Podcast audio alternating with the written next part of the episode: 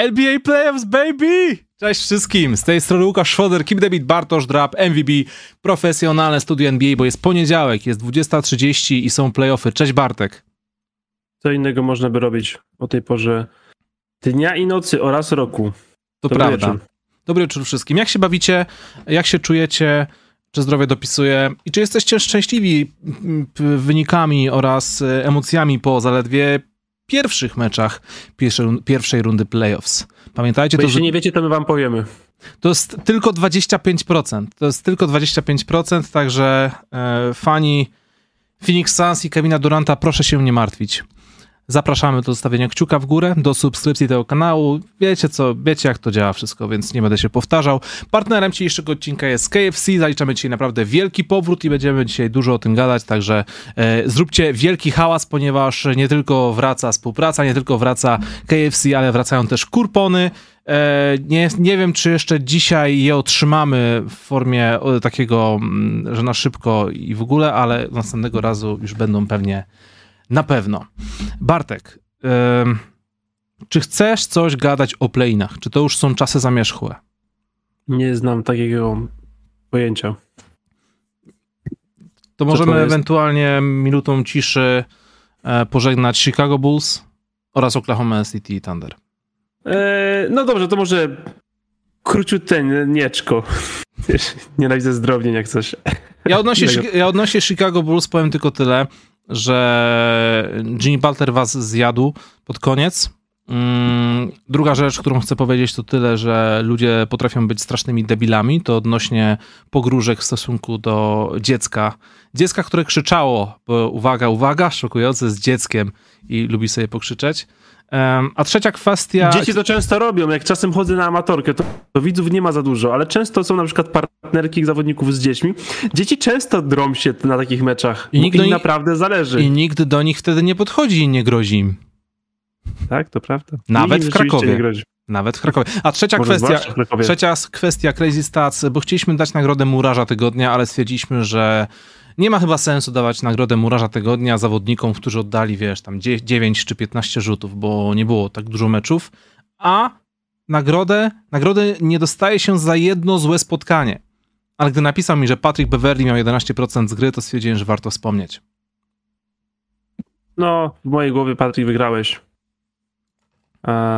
W mojej głowie wygrałeś, Patryk. E, a propos Oklahomy, no to trochę była bez szans w tym meczu z Minnesotą. Tak to sobie po czasie myślę, e, Łukasz Drewnika dziękuję, ale to wszystko naturalny kolor. E, tak natura chciała. Tak.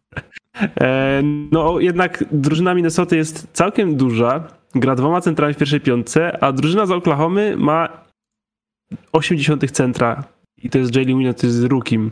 A zmienia go Dario Saric, który w najlepszych latach był czwórką, a piątką jest teraz tylko i wyłącznie z przymusu, więc fizycznie trochę tutaj nie było podjazdu, a i chyba powinniśmy być mądrzejsi przed tym meczem, że nie dało się tego zrobić inaczej, więc dziękujemy, widzimy się za rok w playoffach albo w play-in na pewno Oklahoma. Ale trochę trzymaliśmy kciuki, trochę im kibicowaliśmy. Kiedy ja, kiedy ja robiłem e, ankietę, bo codziennie robiłem podczas meczów te ankiety na, na, na play-iny, to za Oklahomą e, było jakieś 70% osób. Bo tam było jakieś, nie wiem, z 2000, ja 2,5 tysiąca.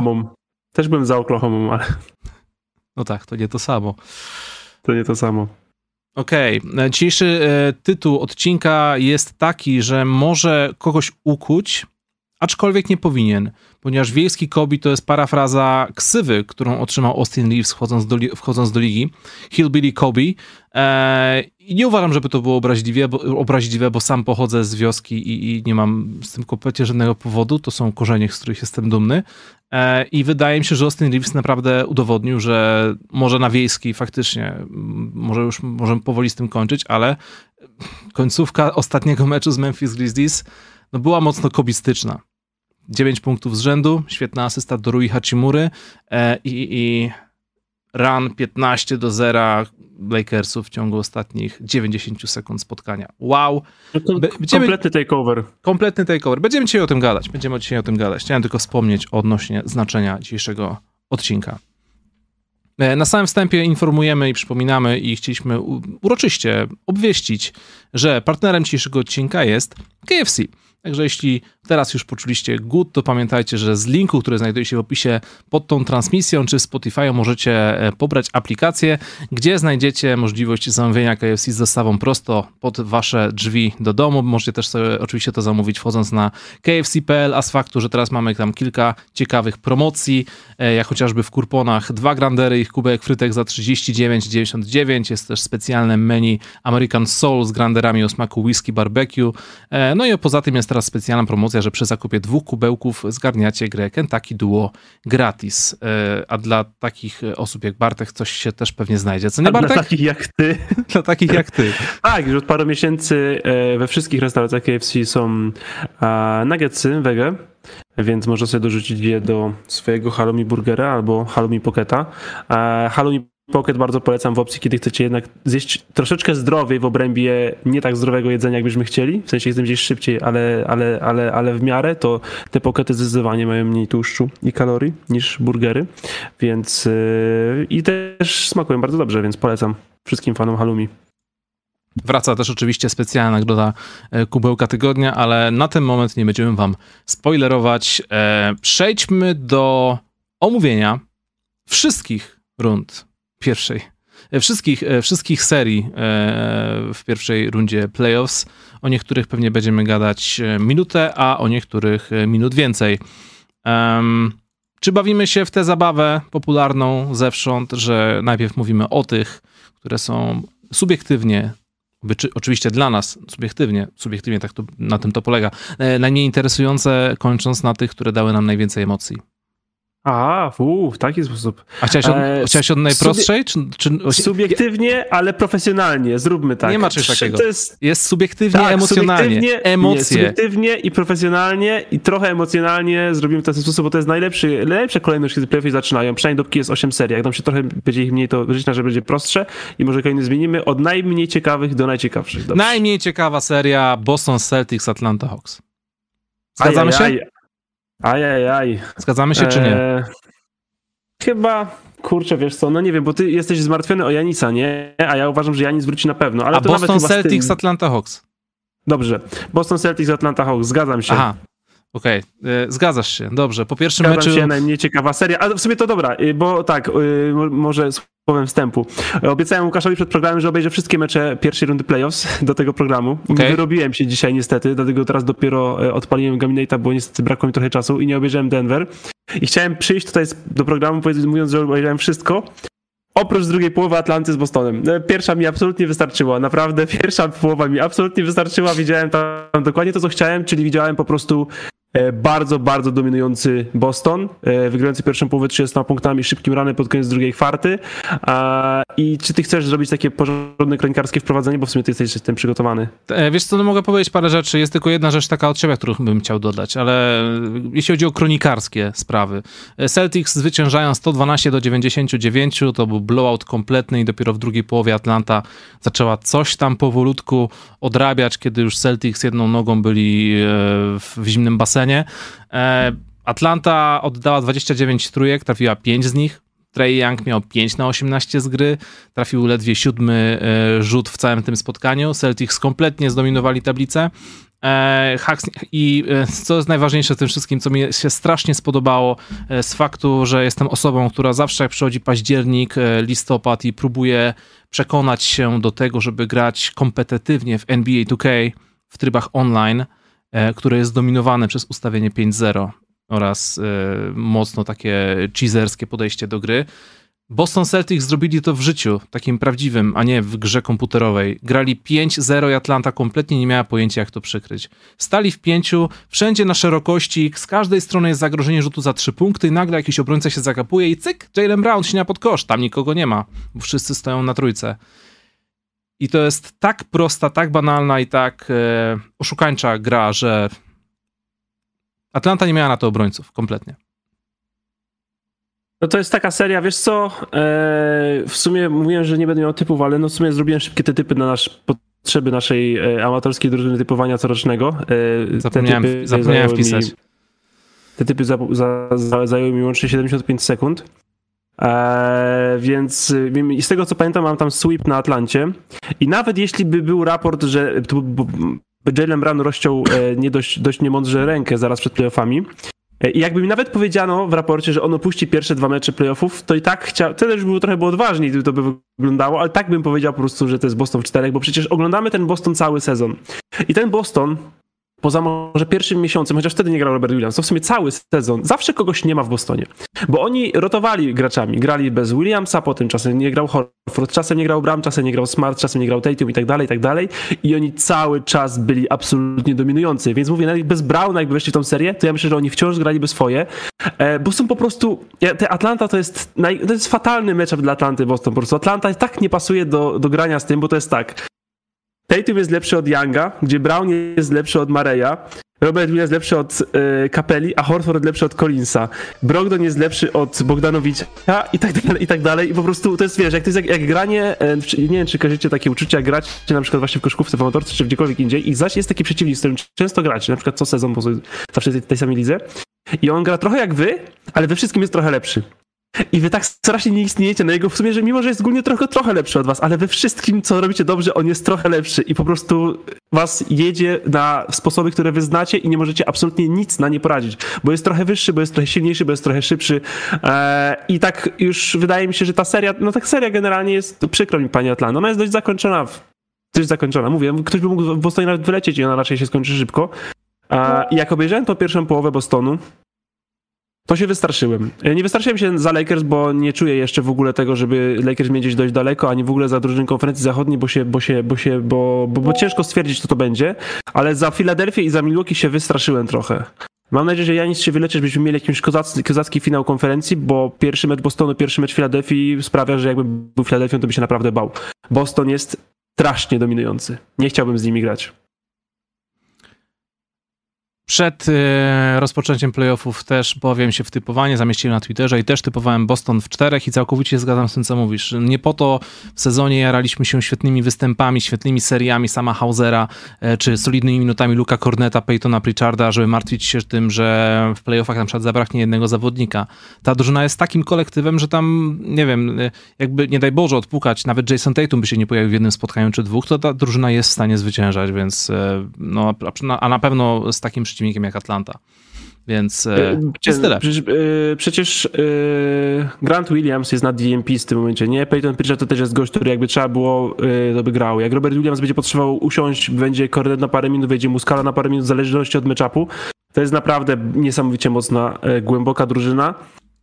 I zobacz na przykład w tym meczu 20 minut Brugdona, 5 punktów, żaden problem. To jest w ogóle nieważne, nie? Trzech innych kolegów zdobywa ich ponad 20. Derek White zdobywa 24 z 7 na 13 z gry, to są świetne statystyki, 5 biurek, 7 asyst i to jest w ogóle najmniej ważne rzeczy, co on zrobił. To jest, wszystko jest to, co, co właśnie powiedziałem, to jest pikuś tym, jaką on gra obronę. To jest All NBA First, e, All NBA, All Defensive, All Defensive, no wiecie o co chodzi. Tak. Pierwsza tak. piątka obrońców tego sezonu. On nie jest w top 5 obrońców ligi, ale za ten sezon, za to jak on gra i się stara i jest dostępny w bardziej niż koledzy, Naprawdę, naprawdę wielkie, wielkie, wielkie słowa uznania. Eee, to jest jeden z twoich też chyba bardziej ulubionych zawodników, bo też ex, ex San Antonio Sper. I naprawdę idealne wręcz uzupełnienie każdego składu. Myślę, że taki zawodnik w takiej formie to jest naprawdę marzenie każdego trenera. Może spoza Steven Kerem, bo on i tak już ma sześciu gardów i już nie wiadomo jak kim grać. Ale w normalnie skonstruowanych drużynach Derek White to jest po prostu a, złoto, po prostu złoto, nie?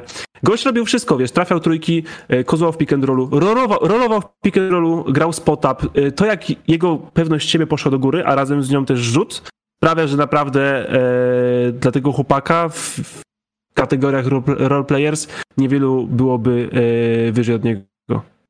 No właśnie tego rolowania po pick and rollu, ja tam widziałem więcej zbiegania na trójkę też, widziałem więcej pick and popów z Alem Horfordem e, i nawet były takie sytuacje aż, aż zabawne, bo e, Boston zdobywali proste punkty po zbiórkach ofensywnych bo kiedy grasz y, szeroko, e, wszyscy są na trójce i nawet jesteś w stanie trafić swój spudowany rzut i później pozwolić sobie na jakąś asystę do zawodnika. Tak chyba Marcus Smart zrobił do, nie pamiętam do kogo, chyba Roberta Williamsa. E, no to wiesz, no, to, to jest troszkę cheat code. E, przejdźmy do drugiej rundy, do drugiej rundy, do drugiej pary. No już właśnie przeszliśmy do drugiej rundy w przypadku Bostonu. Tak, dokładnie. Już o nich nie będziemy gadać. Naj, najbliższa rozmowa o Bostonie za dwa tygodnie. Miami Heat Milwaukee Bucks? Ja myślę, że przykro mi Łukasz, dla mnie to jest Philadelphia, Brooklyn, ale, ale, ale dobrze. No to dobrze, dobrze. Nie, nie, nie odbiorę, możemy, nie, nie, nie odbiorę, możemy, możemy, możemy. Słuchaj, Philadelphia 76ers versus Mika, Mika All-Star e, Bridges. E, widzieliśmy ten mecz na żywo w sobotę wieczorem e, na tym kanale. Już tej transmisji sobie nie obejrzycie, bo stwierdziliśmy, że nie ma sensu, żeby to leżało publicznie, ale kto wtedy się pojawił w sobotę, to może sobie zawsze odpuścić z odtworzenia i pewnie jeszcze nie raz w playoffach sobie na coś takiego pozwolimy. Mecz był ciekawy przez trzy kwarty, powiedzmy, ale prawda była taka, że Philadelphia przez no, non-stop praktycznie trzymała wszystko w ryzach i kiedy trzeba było, wrzuciła po prostu piąty bieg i się zakończyło. 121 do 101 dla Brooklynu, Embiid 26 punktów, James Harden 23 punkty, 13 asyst, Tobias Harris 21 punktów. E, po stronie Netsów chcę tutaj wyróżnić wiadomo kogo, Michaela Bridgesa, e, świetny występ, 30 punktów na solidnej skuteczności, ale gdyby tak spojrzeć na resztę zawodników, to to było widać, to widać nie tylko po statystykach, tylko było widać po prostu w samym meczu. Zawodnicy Brooklynu bali się brać na siebie, bali się brać na siebie odpowiedzialność, e, zabrakło takiego zaangażowania. E, Michael Bridges musiał praktycznie w pojedynkę, e, praktycznie w pojedynkę walczyć o te punkty i, i fajnie, że mu to wyszło, ale to było ciut za mało, żeby pokonać tak dobrą drużynę jak Philadelphia. Drugim punktującym był Cam Johnson, 18 punktów. To, co Bo chciałem... właśnie Bridges ciągnął i w pierwszej połowie. W pierwszej połowie to wyglądało w miarę przyzwoicie, ale w drugiej kompletnie zniknął. Tak. Teraz pytanie, na ile to było jego e, może jakaś pasywność, a na ile był to e, no, krytykowany przez nas w tym meczu Spencer Dinwiddie. Straszny który, był, straszny. Cztery który... straty miał łącznie i te jego alejupy, które nie docierały do zawodników. No wiesz, raz, no wiesz, raz może Claxton nie złapał tej piłki, ale później to już było wyrzucanie w out. No dokładnie, wiesz, jesteś rozgrywającym drużyny, nie potrafisz trzy razy z rzędu dostarczyć lobu do swojego e, centra, e, rzucasz 40% z gry, wiesz, 14 punktów z 12 rzutów i masz koło siebie borderline all-star skrzydłowego, który gra rewelacyjnie, który na koniec kończy mecz z 30 punktami i ten skrzydłowy, kiedy ty rozgrywasz piłkę, oddaje dwa rzuty w drugiej połowie. Mm. Dwa rzuty. 16 w pierwszej połowie, dwa rzuty w drugiej połowie. To tak nie powinno to wyglądać. A i, i, I no naprawdę, naprawdę dużo zrzucił tutaj na karp e, Spencera Dinwiddie, bo on grał tutaj bardzo długo z tą piłką w rękach. A reszta, a reszta tak, aż tak długo nie, dużo nie kozłowała w drugiej połowie i, i, i, szkoda, bo właśnie widzisz, Cameron Johnson też nie miał złego meczu, wiesz, Finney Smith też może mógł być więcej, wiesz, kilku, może nawet nie on koniecznie, ale on, czy O'Neal, czy Setkary, czy Johari, w sensie spota shooterzy. Myślę, że mogliby spokojnie jeszcze z dwa, trzy razy, bo to też trochę co mówiliśmy z trakcie transmisji, no, Philadelphia jest bardziej utalentowaną drużyną, Powinieneś rzucać bardzo szybko, bardzo dużo na nich, jeśli chcesz wygrać to, bo przewagi Embida nie zniwelujesz w żaden sposób. No nie masz po prostu na niego odpowiedzi i trzeba z tym żyć, ale trzy to więcej niż dwa, e, jak nas uczą koszykarscy bogowie od, od, od parunastu lat, więc w taki sposób naprawdę możesz dać sobie szansę. I oni sobie tej szansy w drugiej połowie po prostu nie dali. W pierwszej tak, w drugiej nie. E, w, w pierwszej połowie tak naprawdę grali bardzo dobrze, ale James Harden był ultra gorący, wiesz, trafiał te trójki jedną za drugą i to utrzymało wynik dla Filadelfii, a druga połowa, wynik odjechał dopiero na samym końcu, to trochę jak w przypadku Lakers i Memphis, a, czy, czy może w przypadku Miami z, z Bucks też, e, ale tak naprawdę była lepsza i gorsza drużyna prawie przez cały mecz, tylko było tak równo, stabilnie i nie było jakiegoś takiego, wiesz, nie było ranu, nie było pogromu, ale w gruncie rzeczy e, na koniec wygrał silniejszy. E, Brooklyn w tym meczu też mieli naprawdę bardzo wysoką skuteczność. Filadelfia tam niewiele gorszą, tylko że Filadelfia oddała no mnóstwo rzutów więcej z jednego prostego powodu. Po pierwsze, Brooklyn nie pilnowali piłki, aż 19 strat, Philadelphia ledwie 8 i poza tym totalnie zostali zniszczeni na desce, w szczególności na atakowanej desce, bo gdy patrzyliśmy w pierwszej kwarcie, jak PJ Tucker rzucał się jak bulldog po, po latające frisbee 5 metrów w górę, to to po prostu masakrycznie to wyglądało. 14 zbiórek w ataku Filadelfii przełożyło się na, nie spisałem sobie tutaj, ale chyba kilkanaście chyba 19 łącznie rzutów więcej. Philadelphia miała 19 prób z gry więcej, więc no sorki, no 19 prób, no to przełożyli to na 20 punktów w takim razie przewagi i, i, i no przegrywasz tak to 20, się skończyło. Przegrywasz blowoutowymi 20 punktami, trafiając 56% z gry, 45% za 3. Tak. Po prostu za mało tego, za mało pilnowałeś piłkę, nie walczyłeś o te zbiórki i skończyło się tak, e, jak się skończyło. Chciałem tu na koniec e, wyróżnić Jamesa Hardena, ponieważ zagrał naprawdę bardzo dobre spotkanie playoffowe i szczerze mówiąc, wolę widzieć takiego um, vintage, e, nie, vintage to jest to złe określenie, wolę widzieć tutaj takiego starszego Jamesa Hardena, który jest świetnym Robinem dla, dla Batmana, produktywnym, asystującym, trafiającym te trójki, niż gościa, który robi 40, 10, 10, a jego drużyna przegrywa. E, I fajnie, bardzo podobało mi się to, że mimo tego, że na początku, no początek miał słaby, nie potrafił się w ogóle wstrzelić pod kosz, wchodził, nie pudłował lejapy, bardzo niska skuteczność, po czym nagle sobie przypomniał, kurde, kiedyś byłem dobry w tych stepbackach za trzy, co nie? Zacznijmy to robić. I zaczął to robić. I zaczął je trafiać i to były naprawdę wielkie rzuty. Takie, to były takie trójki, które, które dołują przeciwnika. One, one, one znaczą, one znaczą i, i, i tego nie widać w boxscore, ale one znaczą więcej niż tylko i wyłącznie trzy punkty więcej. Tak, bo to był moment, w którym Brooklyn mógł sobie myśleć, że ma nadzieję i wszystkie te nadzieje były gaszone przez trójki, bo zobacz, James Harden, 36 minut, główny kreator gry, e, można powiedzieć, ja go, ja go bardzo, jak, to w sumie pochwalę go zaraz, ale możesz, mógłbyś opowiedzieć historię tego meczu ze statystyk. James Harden grał 36 minut z piłką w rękach i oddał 0 rzutów wolnych, trafił 1 na 8 rzutów za 2. Bo już nie tak. ma tej eksplozywności, siły i tak dalej, ale trafił do tego 7 trójek, zdobył 23 punkty łącznie i zdobył 3, i zaliczył 13 asyst. 23-13 Jamesa Hardena na dobrej skuteczności, tutaj ok, 40% całej z gry, ale przy 50 to jest koniec końców dobra skuteczność. E, to jest naprawdę coś, czego Philadelphia potrzebuje i nie potrzebuje od niego dużo, dużo więcej. W sensie oczywiście jedno mecze czy dwa, e, no pewnie już w drugiej rundzie z Bostonem, że, że, że może tego zabraknie, ale tak ogólnie na co dzień, bo to też nie był jakiś mega dominujący mecz Embida i nie było takiej potrzeby po prostu. Można było się trochę to, trochę to wszystko porozdzielać, ale jakbym miał wyróżnić jednego zawodnika za ten mecz, to byłby to James Harden. Korzystając z okazji, że jesteśmy akurat... A nie, sorry, Paul Reed, tylko Paul Reed, tylko Paul Reed. Tak, Paul Reed miał, miał, miał, kilka naprawdę dobrych momentów, a ten e, spin trochę chaotyczny, kiedy sobie przekazywał piłkę pod nogami i zakończył to wsadem, bardzo eleganckie. I widać było, że on wtedy się tak podjarał i e, reszta drużyny go bardzo tam, wiesz, e, tak hypowała i później było wiele odważniejszy w swoich decyzjach. Ale tak e, chciałem tylko wspomnieć tutaj, skoro gadaliśmy już o Spencerze Dinwiddie, E, może już później nie będziemy wracać do tego tematu. Czy czas na 65 sekund dyskusji e, i przedstawienia wielkiego sporu twitterowego między byłymi kolegami z drużyny Spencerem Dinwiddie oraz Kylem Kuzmą? Oczywiście, wspaniały rościk, dajesz. Spencer Dinwiddie w jednym z podcastów został wywołany do tablicy, jeśli chodzi o Kyla Kuzmę. Jak wiadomo, panowie nie, nie darzyli się sympatią i Dinwiddie troszkę popuścił parę z ust, y, mówiąc, że um, jak on to ujął? Że Kuzma nie może być trzecią opcją drużyny wygrywającej, że on myśli, że jest trzecią opcją drużyny, drużyny mistrzowskiej i bardziej niż gra w koszykówkę interesuje go bycie modnym, bycie, bycie cool, bycie, bycie celebrytą i coś takiego. I nabijając statystyk, bo on się po prostu krytycznie wypowiedział na temat Waszyngtonu, że po porażce Dallas z Waszyngtonem e, kiedy on jeszcze grał, że musimy być lepsi z drużynami, które nie chcą wygrać, dlatego chcą sobie nabijać statystyki. I wyszczególnił z tego wszystkiego Kuzmy, że, że wydaje mi się, że lepszy niż jest, a tak naprawdę nie jest dobrym koszkarzem, tylko sobie nabija statystyki, walczy o kontrakt i nic więcej go nie interesuje.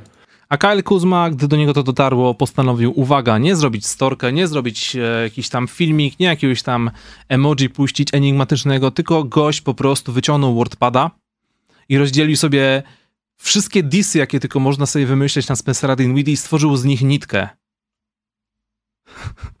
Zrobił nitkę, w której pocisnął Spencera Dinwiddie za to, jak źle mu szło, za to, jak Nawet bardzo ma... Nawet kiedy się z nim zgadzał. Bo napisał na przykład, że tak, jasne, idę po swoją kasę i dostanę jej dużo, nie hejtuj. Tak, ale cisnął go za megalomanię, e, używał e, przezwiska Dean Shitty, e, które znajduje się na poziomie 15-latka Twitterowicza, ale w przypadku, gdy mówi to profesjonalny koszykarz, przyznam, jest to ciut zabawne, nie powinno, ale jest. E, I jeszcze na sam koniec, jak już tak chyba chciał po prostu opuścić mikrofon e, na ziemię, powiedział, że życzę ci tego, e, że tak jak chciałeś wcześniej, żebyś dostał w końcu swoje wynagrodzenie w bitcoinach, ponieważ jak nie widziałeś... Jak, market. Jak, sprawdź, jak market teraz wygląda, nie?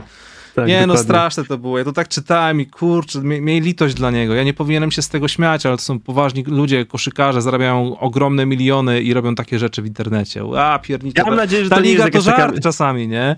Ja mam nadzieję, że to nie jest taki, wiesz, że ze strony Kuzmy to nie, znaczy, oczywiście nie wiem, mam nadzieję, że to nie jest taki totalny jad, złości, tak wiesz, dować, tylko tak troszeczkę luzu, w sensie, a ciśniemy się na Twitterze i idziemy. Jasne, że mu to, że go to zabolało i chciał mu pojechać ogólnie, ale mam nadzieję, że to nie jest taki, wiesz, taki hejt, że teraz jak będzie Kevin Garnett i Ray Allen, że teraz nie będzie na niego patrzył przez 20 lat, wiesz, będzie wybiegał z hali, jak ten będzie do niej wchodził. Tylko, że po prostu nie lubimy się, jakby nie jesteśmy kumplami, ale wiesz, że to nie jest jakaś taka straszna, straszna zjadłość. Ja, ja, ja e, tu hejtu, hejtu nie widział, tym bardziej, że to jest Kyle Kuzma, to jest jeden z niewielu koszykarzy, których obserwuję na Twitterze, właśnie dlatego, że gość ma tonę luzu w sobie i nie boi się pisać na Twitterze różnych takich rzeczy w prześmiewczy sposób, że o, ktoś tam go źle zrozumie. Gościu ma wywalone i się dobrze bawi. Jest chyba jedyny koszykarz, którego obserwuję na Twitterze e, z Grecji koszykarz. Chyba naprawdę jedyny zawodnik, e, którego, którego obserwuję. E, dajcie znać, co myślicie w ogóle o tej, o tej dramie, więc jeśli jesteście po stronie Kyla Kuzmy, uważacie, że lepszy pocisk dał, to dajcie łapkę w górę pod tym streamem, a jeśli Spencer Dinwiddie, to też dajcie łapkę w górę pod tym streamem, żebyśmy wiedzieli... Jak wam się ten beef podobał. Więc zachęcamy do łapkowania w górę, bo jest nas tutaj piszcie, cztery piszcie razy na czacie. łapek. Piszcie na czacie Team Spencer albo Team Kuzma. Nie, nie, nie. Najpierw musicie dać łapkę w górę, bo inaczej Dobrze. komentarz wam nie przejdzie. Są tak ustawione... No Dacie tak, łapkę tak, tak, w górę i dopiero musicie napisać komentarz. Dobrze. I macie co najmniej 1200 łapek do rozdania jeszcze dla nas, więc, e, więc zachęcamy do łapkowania tego streamu. E, czas na kolejną serię. Milwaukee Bucks oraz Miami Heat. Pierwszy mecz zakończył się e, wynikiem 130 do 117 dla Miami Heat e, i wydaje mi się, że ten wynik, e, że po samym boxskorze i po samym wyniku nie da się sprawdzić, jaka była historia tego spotkania, bo była dość mroczna. Przykra była dość. Była dość przykra i zacznijmy może od najważniejszej kwestii. Dlaczego Janis miał tylko 6 punktów w 11 minut? Dla tych osób, które tego nie oglądały. Janis po zderzeniu się z Kevinem Love, który chciał po prostu nabrać go na, na, na, na ofensa, spadł z wysokości, podobnie jak zresztą Jamorant dzień wcześniej, to też jest ciekawy temat, o który, który możemy teraz za chwilę zahaczyć. Spadł naprawdę bardzo mocno na plecy, w zasadzie nawet na lędźwia, mimo iż próbował jeszcze wrócić do gry, no bo w końcu wrócił i to mi się akurat bardzo podobało, bo to tylko pokazuje, jak bardzo on chce tam być, jak bardzo chce wygrywać, to poruszał się przez te kilka minut bardzo asekuracyjnie, widać było, że ten ból mu ewidentnie przeszkadza, więc w końcu z początkiem drugiej kwarty postanowił zejść i tyle go widzieliśmy. I mimo, że grali, mimo, że Milwaukee Bucks grali bez Janisa, to naprawdę przez bardzo długi okres tego spotkania trzymali się dość blisko wyniku. Drew Holiday miał fenomenalny mecz e, jako rozgrywający, 16 punktów, 16 asyst. E, Chris Middleton nawrzucał swoje. E, była tam drobna pomoc z ławki, Bobby, Bobby Portis był naprawdę fenomenalny. Ile miał tutaj tych, tych punktów? Z 20, z 21 ale po drugiej stronie e, przyszedł do meczu Bam Adebayo, przede wszystkim 22-9-7. Jimmy Butler był W końcu, okrutno... w końcu Bam przyszedłeś, bo ostatnio cię nie widziałem. No on tak troszkę w kratkę, on tak troszkę w kratkę grał. E, Jimmy Butler był bestią i e, Tyler Hero, kiedy był na boisku, był fenomenalny.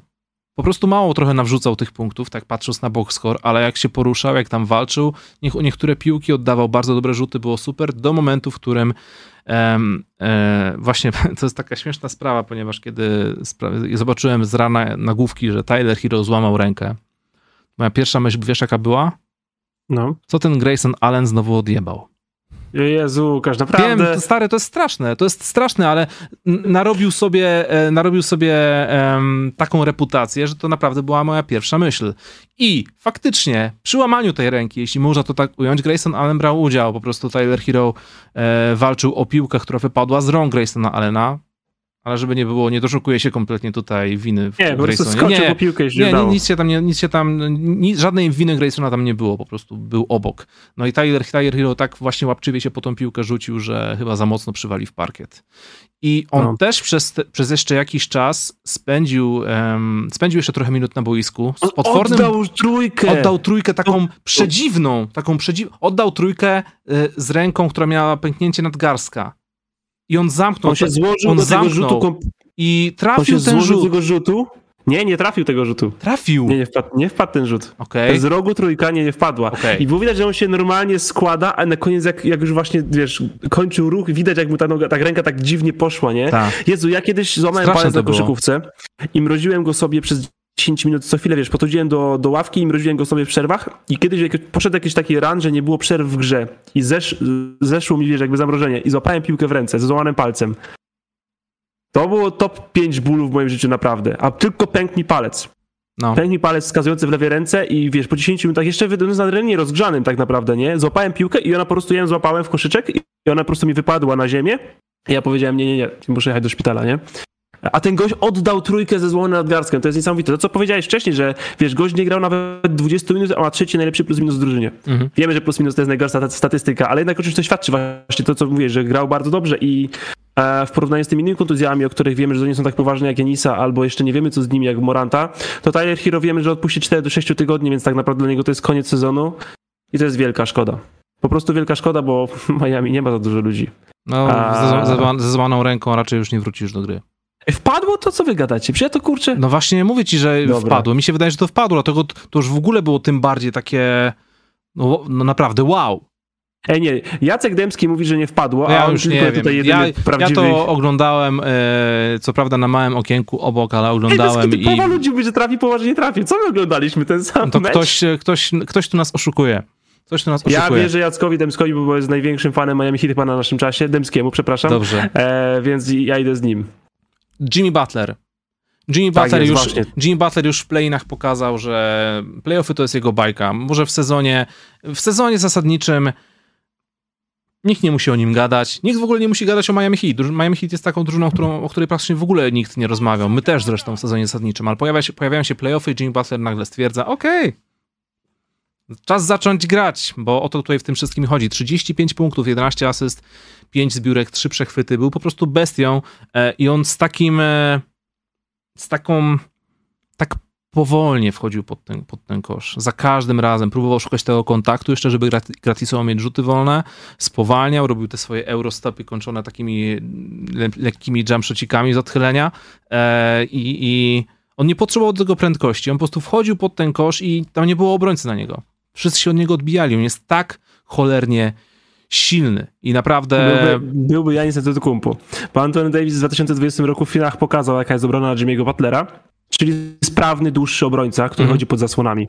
I to jest Janis, to jest Anthony Davis, ale odkąd Janis szedł, to Milwaukee kompletnie takiego człowieka nie miało, bo wszyscy zawodnicy, którzy są mniejsi, w sensie mniejszy, twardy obrońca, powiedzmy w stylu Smarta, chociaż słabszy, bo oczywiście najlepszy Smart jest w tej kategorii e, wagowo-wiekowej, nie mają żadnych szans z Jim Butlerem. Żadnych po prostu, wiesz. Y, to nawet jakby Kyle Lowry go bronił w post, gdzie Kyle Lowry jest genialnym obrońcą w post, e, jak oczywiście na swoje warunki y, fizyczne, to tacy zawodnicy z Jim Butlerem nie mają żadnych szans. I mówimy to co roku, ale trzeba to powiedzieć znowu, bo to jest bardzo ważne i to jest, bardzo, to jest duża historia. Mówiliśmy cały sezon, że hej, nigdzie nie dajemy top, Jimmy'ego Butlera w top 10, wiesz, nie ma go w rozmowie MVP, wiesz, do All-Stara się łapie, ale NBA niekoniecznie, ale jak przyjdą playoffy, to on będzie zawodnikiem top 10 i on znowu jest top 10 zawodnikiem w playoffach e, i to jest może już nudne, ale to jest prawda i trzeba to podkreślać. Jimmy Butler to jest rewelacyjny koszykarz. Rewelacyjny koszykarz. Ludzie chodzą pod zasłonami, wiedzą, że nie rzuca, a ten chłop i tak wymusza wolny na tych rzutach i tak ładuje ci 30 punktów. Rewelacyjny koszykarz, naprawdę. Gdy latem będziemy robić kolejną edycję naszych, naszej listy top 10 najlepszych tu i teraz, to e, cokolwiek, by się, cokolwiek by się nie wydarzyło, Jim Butler musi być w, e, jeszcze w tej dziesiątce. I jeszcze jedno zdanie o, tym, o tej serii. Milwaukee, Milwaukee Bucks, przestańcie używać tego niebieskiego parkietu. Okay. To jest okropny, okropny jest ten parkiet. No okropny nie przeszkadza. po prostu. Nie przeszkadza okropny, mi kompletnie. Łukasz, okropny jest. Jedyne, co jest dobrego niebieskiego, to są e, nazwiska naszych moderatorów na czacie. To prawda. E, a, Pozdrawiamy a serdecznie. Parkiet w, w hali Minuki. Naprawdę przestańcie to robić. Już e. fear the deal, wróćcie do tego, naprawdę, błagam was. Ja tylko chciałem na koniec wspomnieć, że Miami naprawdę wykorzystało świetnie brak Janisa Antetokounmpo, ale przede wszystkim, sorry, ale hit trafiali na 60%. Chyba trójki również. I te statystyki mówią same za siebie, bo to jest, to jest jakaś anomalia. W sezonie byli jedną z czterech. 60%. I w sezonie byli jedną z czterech najgorzej trafiających trójki zespołów w lidze. Więc to jest historia jednego meczu, ale czy dadzą radę utrzymać taką skuteczność aż do końca? Jeszcze muszą trzy, zwyci trzy zwycięstwa mieć na koncie. E, I ja wiem, że teraz e, w obliczu nie wiadomo czego Janisa Antetokounmpo to jest możliwe, ale przed rozpoczęciem tej serii typowałem Milwaukee Bucks w pięciu e, i, i wydaje mi się, że to się Wydaje mi się, że to się cały czas e, wydarzy. Nie wiem, czy, nie wiem, czy Miami Heat znowu będą trafiać trójki na 60%, to raz. A dwa, a dwa, patrząc na to, że no sorry, no Janis upadł, bolą go rzeczy. W Rentgen wykazał, że żadnego pęknięcia, nic mu się tam złego nie stało. Janis, który zrobił 50 punktów w finale po przeproście kolana, które miało się skończyć roczną, rocznym y, leżeniem i w ogóle regeneracją, Paul rehabilitacją. po tej kontuzji by już nigdy nie wrócił. Karl Anthony Towns będzie 3 lata rehabilitował. Ja nie wierzę w to, że Janisowi coś tam się naprawdę złego wydarzyło. Po prostu. On wróci i będzie, będzie, będzie rządził. Tak, i generalnie to jest tak, że, że jakby nie ma tam uszkodzenia, więc jasne, że po- poboleje, ale ty wiesz, jeśli masz po prostu obite coś a, i jesteś w stanie grać z bólem, a wiem, że Janis jest w stanie grać z bólem, no to po prostu to rozgrzewasz, przemęczasz tą rozgrzewkę i potem jakoś to jest, nie? E, Siedzisz na rowerku w przerwach i, i, i dajesz radę, ale nie, no wydaje mi się, że nawet, nawet to nie będzie potrzebne. W sensie myślę, że prostu nic nie będzie, ale wróci i to co mówisz, no 60% za 3 to jest, to jest w przypadku hit anomalia i tracą najlepszego strzelca, w sensie Ty- Tylera Hero. No może nie wiem, czy procenty dokładnie to oddają, bo nie może jakiś Max Storage był trochę lepszy, ale najlepszego strzelca 3 w ten sposób, że on i z kozła potrafi grać i catch and shoot jakby wiesz, jak on dawał rzuty Strusia albo Vincenta, które kreują mu inni tak jak on kreuje im, to rzucałby dużo lepiej i zdecydowanie jest najlepszym strzelcem za 3 tej drużyny, więc będzie tutaj duży problem. I tak szczerze mówiąc, jeśli ma nie grać Hero i miałby nie grać Janis, w co nie wierzę, tak myślę, że Milwaukee byliby faworytem tej serii, bardzo mi przykro, chociaż wtedy Jim Butler mógł być najlepszym jej zawodnikiem. Eee, bo jednak Bucks to była maszyna przed końcem sezonu. Grali rewelacyjnie i nawet 80% Janisa myślę, że im wystarczy. Bardzo buduje tutaj dla fanów. Yy, bardzo budujące po tym meczu jest postawa Chrisa Middletona, bo wyglądał naprawdę zdrowo Mhm. e, i naprawdę grał, grał świetnie. A, wiesz, J- y, fu, Drew Holiday zagrał bardzo słaby rzutowy mecz i wiesz, to są dwie, trzy małe rzeczy i tak naprawdę ten mecz był odwrócony. Na, no, no naprawdę ciężko, ciężko wierzyć, że Miami będzie tak dobrze rzucał za trzy, chociaż jeszcze raz z tej serii, bo 60% za trzy to naprawdę, takich meczów się po prostu nie, nie przegrywa, e, jak grasz. Grałem taki mecz dwa tygodnie temu w amatorce przeciwko drużynie, która rzuciła nam 60% za trzy i wiesz, i tam potem można było sobie mówić, no ktoś by to jeszcze przyszedł, byśmy coś tam poprawili, więcej lapów wykończyli, to wciąż byśmy przegrali 15, no po prostu nie wygrywasz takich meczów, przykro mi, no 60% za trzy to jest cheat code w koszykówce. E, nie podałeś mi swojego typu w tej serii. Mm, już podaję, e, mam Bucks w 4, więc już nie wchodzi. Okej. Dałeś się wszystko, Bartek. Ale Sixers mam w pięciu. I tylko dla ciebie. Jak sobie teraz o tej serii myślę, to chyba tylko dla ciebie dałem ten, e, to jedno zwycięstwo. E, E, właśnie, bo ja, Brooklynowi. ja dałem Sixers... E... Czekaj, w Sixers też dałem w pięciu. Dobra, Okej. żeby nie było. Ale to zaskoczyłeś mnie pozytywnie. Ja po prostu czekam na jeden wielki mecz Michaela Bridgesa. Ale taki wielki, wielki, a nie 30 punktów bez pomocy kolegów. Daj mu też 16 rzutów w drugiej połowie, czyli łącznie 32. Ja myślę, że sypnie wtedy 50. Odnośnie małej, liczby, 40 odnośnie małej liczby rzutów, to będę mieć tutaj mm, nie rant, bo to nie moja dola w tym podcaście, ale kilka niefajnych słów, ale to o tym za chwilę. E, swoje, moi drodzy, chciałem wam jeszcze raz przypomnieć o możliwości zapisania się na kamp koszykówka 3x3 w Toruniu. Wszystko jest organizowane przez Arkadiusza Kobusa i odbywa się w połowie lipca. I tu jest teraz taka kwestia, bo dostałem informację, że do końca kwietnia zapisy są z rabatem 15%. Więc jeśli jesteście zainteresowani, żeby tam dołączyć, e, podszkolić się w koszykówce 3x3, jeśli jesteście graczami bądź, bądź chcecie nimi być, e, lub też się spotkać, coś pogadać, ja też tam będę, też tam mam jakąś drobną rolę do wykonania, to wrzucam wam właśnie link na czat i przy okazji też przypominam, że znajduje się w opisie e, pod tą transmisją, tudzież pod podcastem, jeśli nas słuchacie w wersji audio. Kolejna para, według tych, e, lecąc od tych najmniej. Czy to znamienne, że dopiero teraz powiemy o parze z zachodu? To jest, i, to jest, I to jest komplement dla wschodu. To jest komplement dlatego, jak góra wschodu jest mocna. To prawda.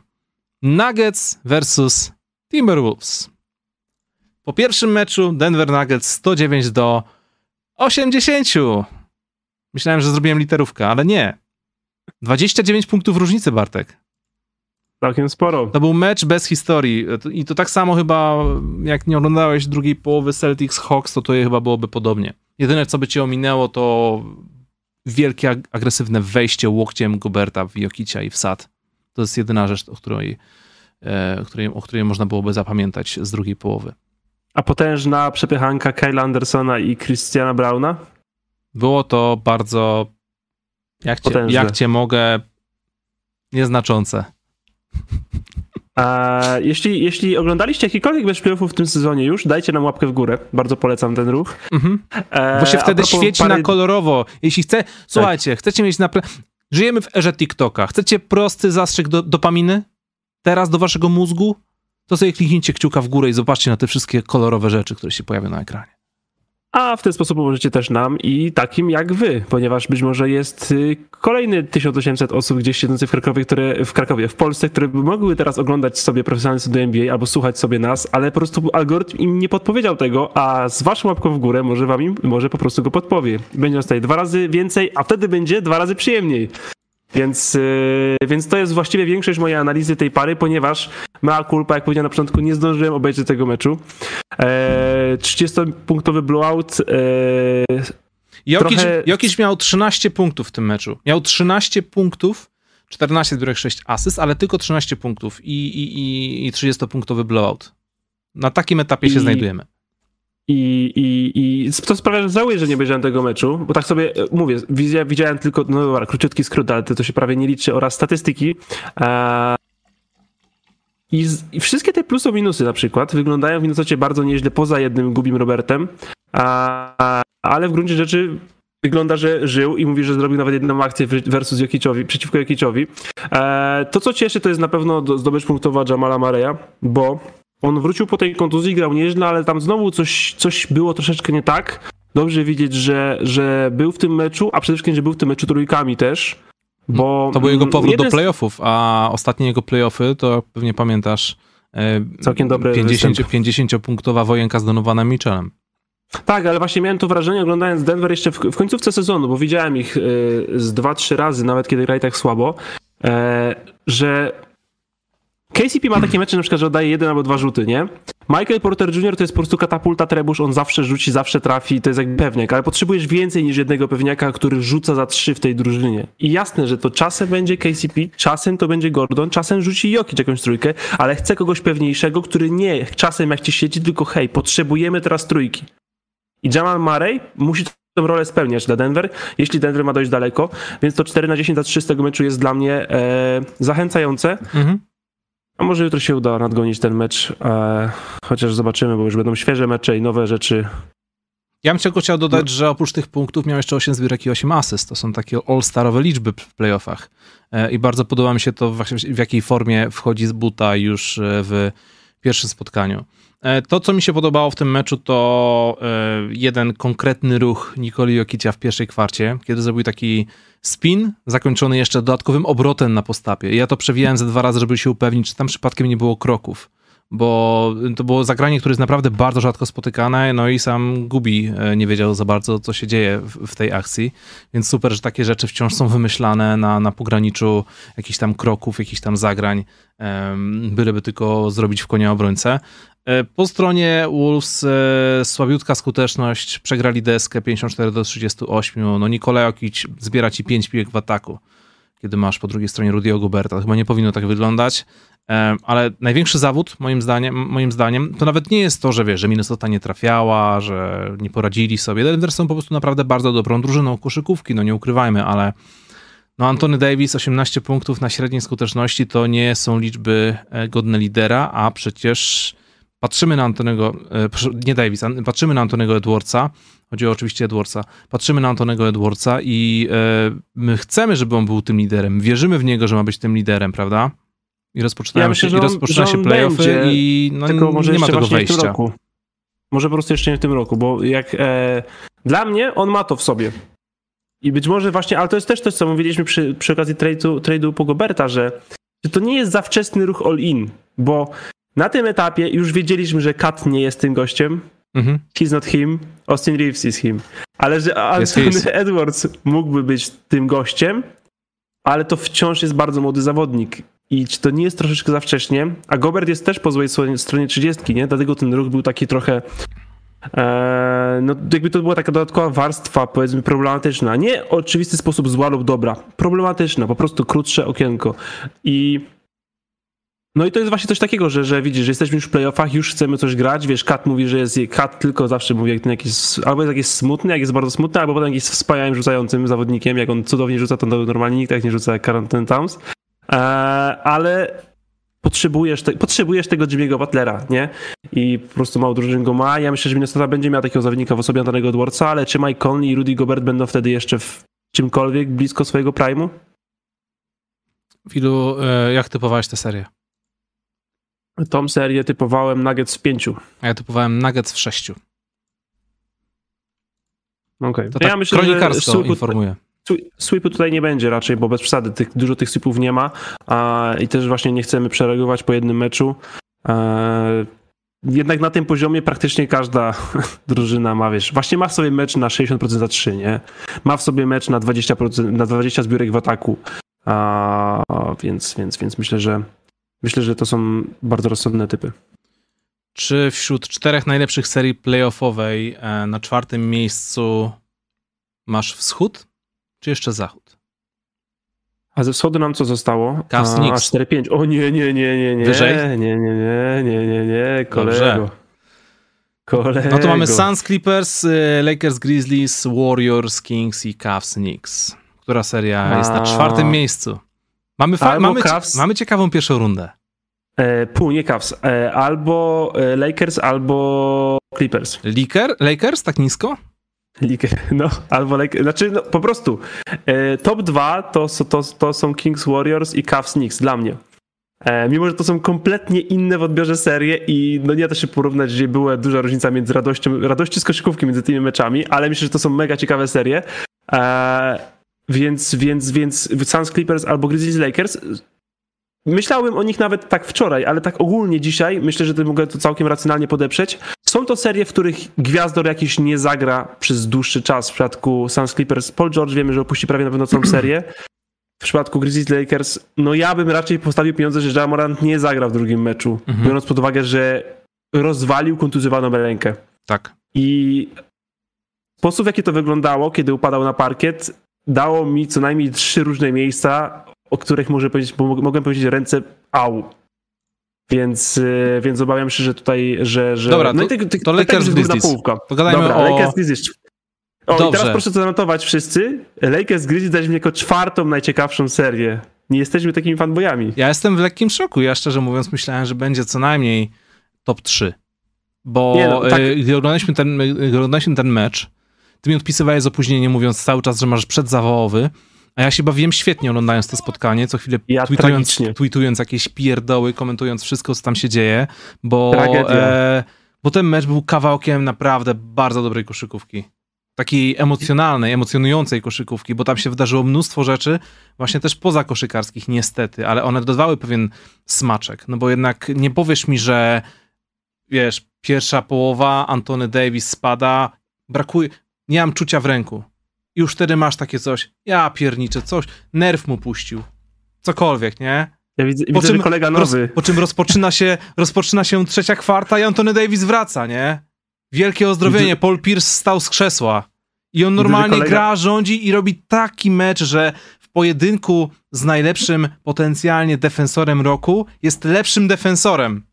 Dostaje 7 Ale... bloków. Antony Davis. Trzy, I trzy stile. Ja to powiem jeszcze raz na głos. Powtórzę to, co powiedziałem wczoraj, co napisałem wczoraj na Twitterze. Fani Lakers, czy wy tak żyjecie? Bo przed ja tą sytuacją mówię. z ręką Antony Davis złapał się jeszcze wcześniej za biodro, bo był e, faul ofensywny, ktoś mu, chyba David, nie, nie, ktoś tam mu wjechał w biodro e, i wiesz, ała biodro. Później złapał się za kolano, bo kogoś się tam potnął. Były już dwie sytuacje. Trzecia, nie mam czucia w ręku. Ja myślałem, że już jest po Lakersach, już jest po serii. Widzę, że kolega nowy. A e, właśnie widzę, że dla was to jest normalne. Każdy mecz, tak, każdy mecz prawie on schodzi do szatni i robi sobie prześwietlenie kontrolne, czegokolwiek. Eee...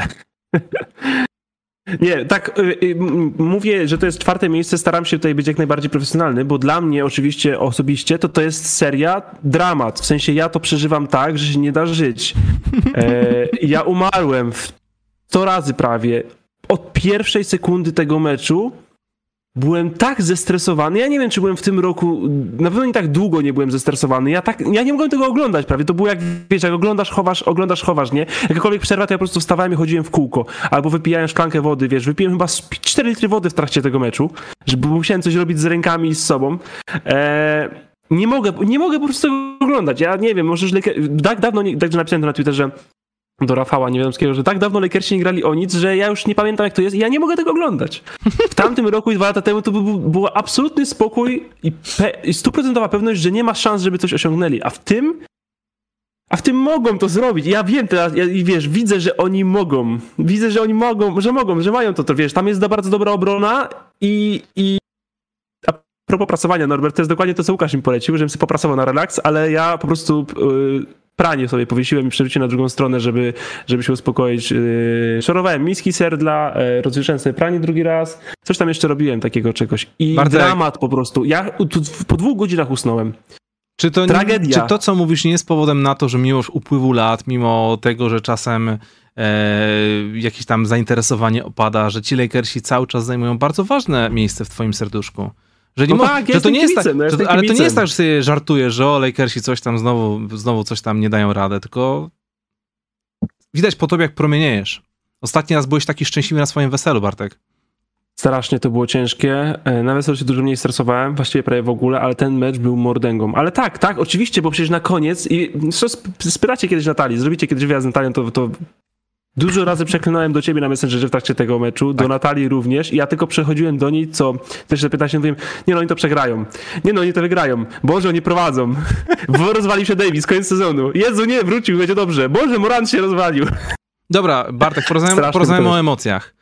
Dian- były emocje. Teraz porozmawiamy o... Nie, wiesz, dalej emocje. D'Angelo Russell, 19 punktów, 7 asyst, ale początek spotkania to był festiwal cegieł tak. Mm, i wyglądało to naprawdę tragicznie w jego wykonaniu do momentu, w którym stał się największym hypemanem swojej drużyny. I wydaje mi się, że to, co zrobił D'Angelo Russell, stało się troszkę taką melodią, taką historią całego spotkania, bo podstawowi gracze, najpierw D'Angelo, później Anthony Davis, E, i w końcu nawet LeBron James, co według mnie jest naprawdę super, patrząc na takiego gościa, nie mieli kompletnie żadnego problemu z tym, żeby oddać e, pierwsze skrzypce no, Rui Hachimurze. Rui Hachimurze się... oraz Austinowi Reevesowi. Zagotowałem się tak, że musiałem okno chylić, e, dlatego zniknąłem na chwilę. Tak, Boże, jaki Rui był gorący. Kto był bardziej gorący, Harden czy Rui wczoraj? Nie, no Rui był, był bardziej gorący. Rui widać było, że za każdym razem, gdy dostaje piłkę, on jest gotowy. On jest gotowy do rzutu. E, Harden to jednak ma w sobie ten gen playmakera. Ja, ja jestem pewny, że Hachimura przed tym meczem naglądał się highlightów Kobiego i po prostu czuł, że on sobie powtarzał non-stop w głowie I'm him, I'm him. Do momentu, kiedy Austin Reeves troszkę skradł mu jednak, e, jednak to powiedzonko. Najlepszy strzelec drużyny w całym meczu, wygranym na wyjeździe.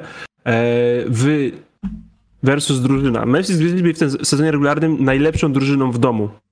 Przygrali tam 5 czy 6 meczów w całym sezonie. Mhm. I teraz drugi seed przegrał mecz otwarcia z siódmym seedem, a więc to jest duża rzecz, że Rui Hachimura na takiej scenie właśnie zagrał tak rewelacyjny mecz i o matko jak on był gorący, nie? On po prostu, to, on po prostu założył klub na Hawajach tym meczem, nie? Po prostu było, było wszystko. I to jest nieprawdopodobne, to jest też właśnie, to jest, to jest też świadectwo tego, jaki, jak ta, jaki wielki talent znajduje się w NBA. Jak ten gość w ogóle nie wygląda jak ten gość w Waszyngtonie, nie? I to jest, wiesz, jasne, że się trochę rozwinął, bo jest starszy, bo trenował, bo wygra teraz z lepszymi kolegami, podpatuje na treningach i miał dzień. Nie ma co ukrywać. Oczywiście to nie jest tak, że Rui to jest taki zawód. Miał dzień. Ale pewność siebie i pewność kolegów i dobra rola w drużynie to jest nieprawdopodobne, bo nawet on już w Lakers się trochę zmienił. Jak on przychodził, to wszyscy mówili, a nieefektywny strzelec za dwa. I co zrobił Rui Hachimura? Gra więcej do obręczy i gra więcej na trójce. Mhm. Oddaje podobne rzuty i czasem rzeczywiście oddaje rzuty po izolacjach za dwa, ale kiedy to robi? Tylko kiedy jest z ławką na boisku, albo wychodzi sam z ławki, kiedy nie ma jednego z dwóch Lebrona albo Davisa na boisku i po mismeczach. I o to chodzi, wtedy jest super. Jak masz mismecz, jedziesz do dwójki, oddajesz ją i jesteśmy git. Jeśli jesteś na boisku, kiedy ktoś inny kreuje, spotujesz za trzy. I to, jak Hachimura się też rozwinął w obronie, e, to jest w ogóle wielka rzecz, bo to właśnie miał być, wiesz, nieefektywny strzelec za dwa, który niespecjalnie chce, któremu się niespecjalnie chce bronić. Generalnie poddawaliśmy w, e, w wątpliwość jego etykę pracy, a tego w ogóle nie widać. Gość wygląda po prostu jak Jared Vanderbilt 2. Poza Antonem Davisem, jedyna osoba, jeszcze może LeBronem Jamesem, poza Antonem Davisem i LeBronem Jamesem, jedyna osoba, która w tym meczu miała cokolwiek szansę ugrać przeciwko Jaronowi Jacksonowi y, Juniorowi w obronie, to był Hachimura.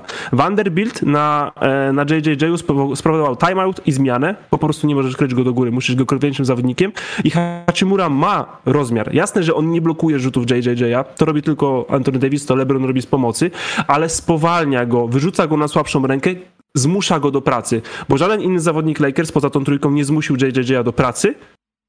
Przeciwko wszystkim innym to było łatwe. Przeciwko Hachimurze to nie było łatwe, a to miał być słaby obrońca.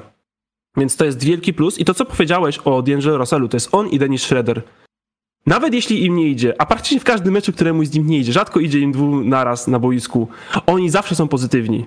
Oni naprawdę hypują kolegów, wiesz, zbijają piątki. Nawet jeśli Davis się wydarł w pewnym momencie, tak naprawdę się wydarł, było słychać aż po prostu, jak się wydarł na Denisa Schroedera, opieprzył go coś, coś zawalił z obronie, ten do niego podbił, wysłuchał, powiedz, powiedz mi to jeszcze raz, ale powiedz mi to. Ten mu to powiedział, przyklepał, potwierdził, jasne, uśmiechnął się. Wziął piłkę i poszedł do ataku. I to jest nie takie łatwe. To jest naprawdę nie takie łatwe być pozytywnym, szczególnie kiedy ci nie idzie, bo DeAndre Russell zaczął tragicznie, nie? On dodał dwie trójki tam w pierwszych 30 sekundach i ja mówię, Boże, znowu ten mecz. Ja już widziałem ten mecz kilka razy. To jest znowu to jest 0 na 8, to jest 1 na 9, to jest 2 na 11. I obrócił ten mecz, ale nawet jakby go nie obrócił, byłby do, dla tej drużyny wartościowy, bo ktoś musiał stawiać pierwszą zasłonę pozorowaną Austinowi Reevesowi, to raz. Dwa, ktoś musiał trzymać e, atmosferę tam. I to jest wielki plus naprawdę. I koniec końców ocena e, D'Angelo Russell ten mecz to jest bardzo pozytywna.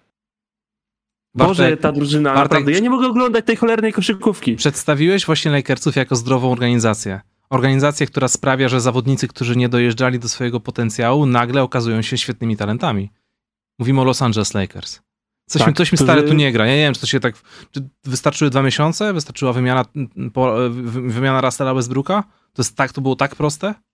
Tak, ponieważ Russell Westbrook był w złej roli, ale nie było innej drogi, że jak wiesz, Russell Westbrook mógłby robić dobre rzeczy dla tej drużyny, ale jakby się udało sprowadzić tych zawodników przed ligą mimo wszystko. Nie dało się tego zrobić bez niego, więc on po prostu musiał odejść, ale e, kurczę, teraz zgubiłem. Chciałem powiedzieć coś, e, coś, coś, coś bardzo fajnego, co na Twitterze przeczytałem, ale już nie pamiętam. E, no nieważne. Nie, bo to naprawdę jest dobra, zdrowa, głęboka drużyna teraz. Ta drużyna ma sens, ma sens. I zobacz, wiesz, był Jamorant w tym meczu przez większość tego czasu i naprawdę świetnie zabronili Jamoranta. Mimo, że ten dochodził do swoich miejsc, bo hej, no to jest taki talent, on dochodzi do swoich ale miejsc. Vanderbilt ale naprawdę... nie dawał mu spokoju. On cały czas pressing na całym boisku. I zobacz, Vanderbilt grał rewelacyjnie na Jamorancie w obronie 3 kwarty. Jamorant zszedł i został Vanderbilt na boisku i trochę nie było wiadomo, co z nim zrobić. Posta postawił go Ham na JJJ-owi i ten go zniszczył. Zjadł go po prostu. Za mało jesteś. Jaren Jackson Jr. jest zbyt dobry, a przynajmniej w tym meczu był zbyt dobry. Vanderbilt idzie na ławkę i nic się nie dzieje. Po prostu, hej stary, zrobiłeś to, co miałeś zrobić. Potrzebujemy zamknąć ten mecz, potrzebujemy trochę inaczej bronić. Po prostu cię teraz zdejmiemy, bo psujesz spacing, ale dałeś tam super trzy kwarty. I gość to rozumie, gość się cieszy, gość kibicuje na ławce. E, ale jestem bardzo ciekawy, jak ta seria będzie się rozwijała, ponieważ właśnie coś się musi zmienić tutaj w obu drużynach, bo Xavier Tillman i niestety Vanderbilt odstawali od pozostałej ósemki z pierwszych piątek, które były na boisku. Piłka w rękach Xaviera Tillmana sprawiała, że akcja każda ta była słaba. Mhm. Zdobył dwa punkty i to jak Davis... Davis właściwie to mógł na niego patrzeć, stać do niego bokiem, a i tak broniłby go na, wiesz, na 0% z gry. I Vanderbilt jednak psujący ten spacing też był, był problemem trochę w crunch poza tą swoją obroną i będzie na pewno też w dalszych seriach. E, więc zastanawiam się, jakie tutaj mogą zmiany wprowadzić trenerzy. Zobaczymy. Myślę, że myślę, że trener Jenkins, jeśli Moran ma opuścić, musi robić zmiany już teraz, bo nie ma na co czekać. Po prostu musisz znaleźć nową receptę na sukces, kiedy tracisz najlepszego zawodnika. I Santi Aldama naprawdę nie powinieneś grać jeden na jeden Antonego Davisa. Jezu, ta akcja była straszna. To była, to była on chyba tak przez chwilę uwierzył na takim totalnym hypie, że to ja jest mój wiem. moment, muszę spróbować. I to no, wyglądało strasznie. Dwie wcześniej, ale jeden na jeden Antonego Davisa, Sandy naprawdę, błagam hmm. cię, nie graj. Eee, a jeszcze wiem coś, co dobrego przeczytałem na Twitterze, ale to nie jest najlepsze. Coś jeszcze mi się musi przypomnieć, ale to jest bardzo dobre a propos tego, jak Austin Reeves był dobry w tym meczu i jak przejął czwartą kwartę. Po prostu ją przejął, ponieważ Memphis nie był w stanie nic obronić z takiego pick and rolli. LeBron James stał na prawym boku na 8 metrze, na trójce, na 405 i, kto, i nie wiem, kto to napisał, przepraszam, że nie pamiętam, ale przynajmniej że gość wygląda jak po prostu chillował tam sobie jak Ryan Anderson w Prime, nie? Po prostu jakby tam jest LeBron James grający, a ja jestem Ryanem Andersonem, po prostu sobie tutaj stoję. I tak wyglądało sześć akcji z rzędu, nie? To niesamowite po prostu. I to jest super, tak, że on się tej piłki nie domagał. Widzi, że kolega z drużyny jest gorący i, i nie ma z tym kompletnie żadnego problemu. Nie masz takiego, że ej, ja tu jestem szefem, jestem liderem. E, więc to było super. E, ale z drugiej strony to jest, to jest naprawdę niesamowite. LeBron James zagrał, miał 22 punkty, 12 zbiórek, 3 e, asysty, nie, przepraszam, to, to, to Anthony Davis. 21 punktów, 11 zbiórek, 5 asyst, 2 przechwyty oraz 3 bloki. I to był słaby mecz LeBrona Jamesa. On to miał kilka naprawdę głupich strat. Miał dwie straty z rzędu, takie naprawdę nonszalanckie. To już była trochę, jakby się bawił, nie wiem, w Russella Westbrooka czy coś. E, I później oddał grę innym i jak to super wszystko śmigało, jak to, jak to, jak to ładnie funkcjonowało.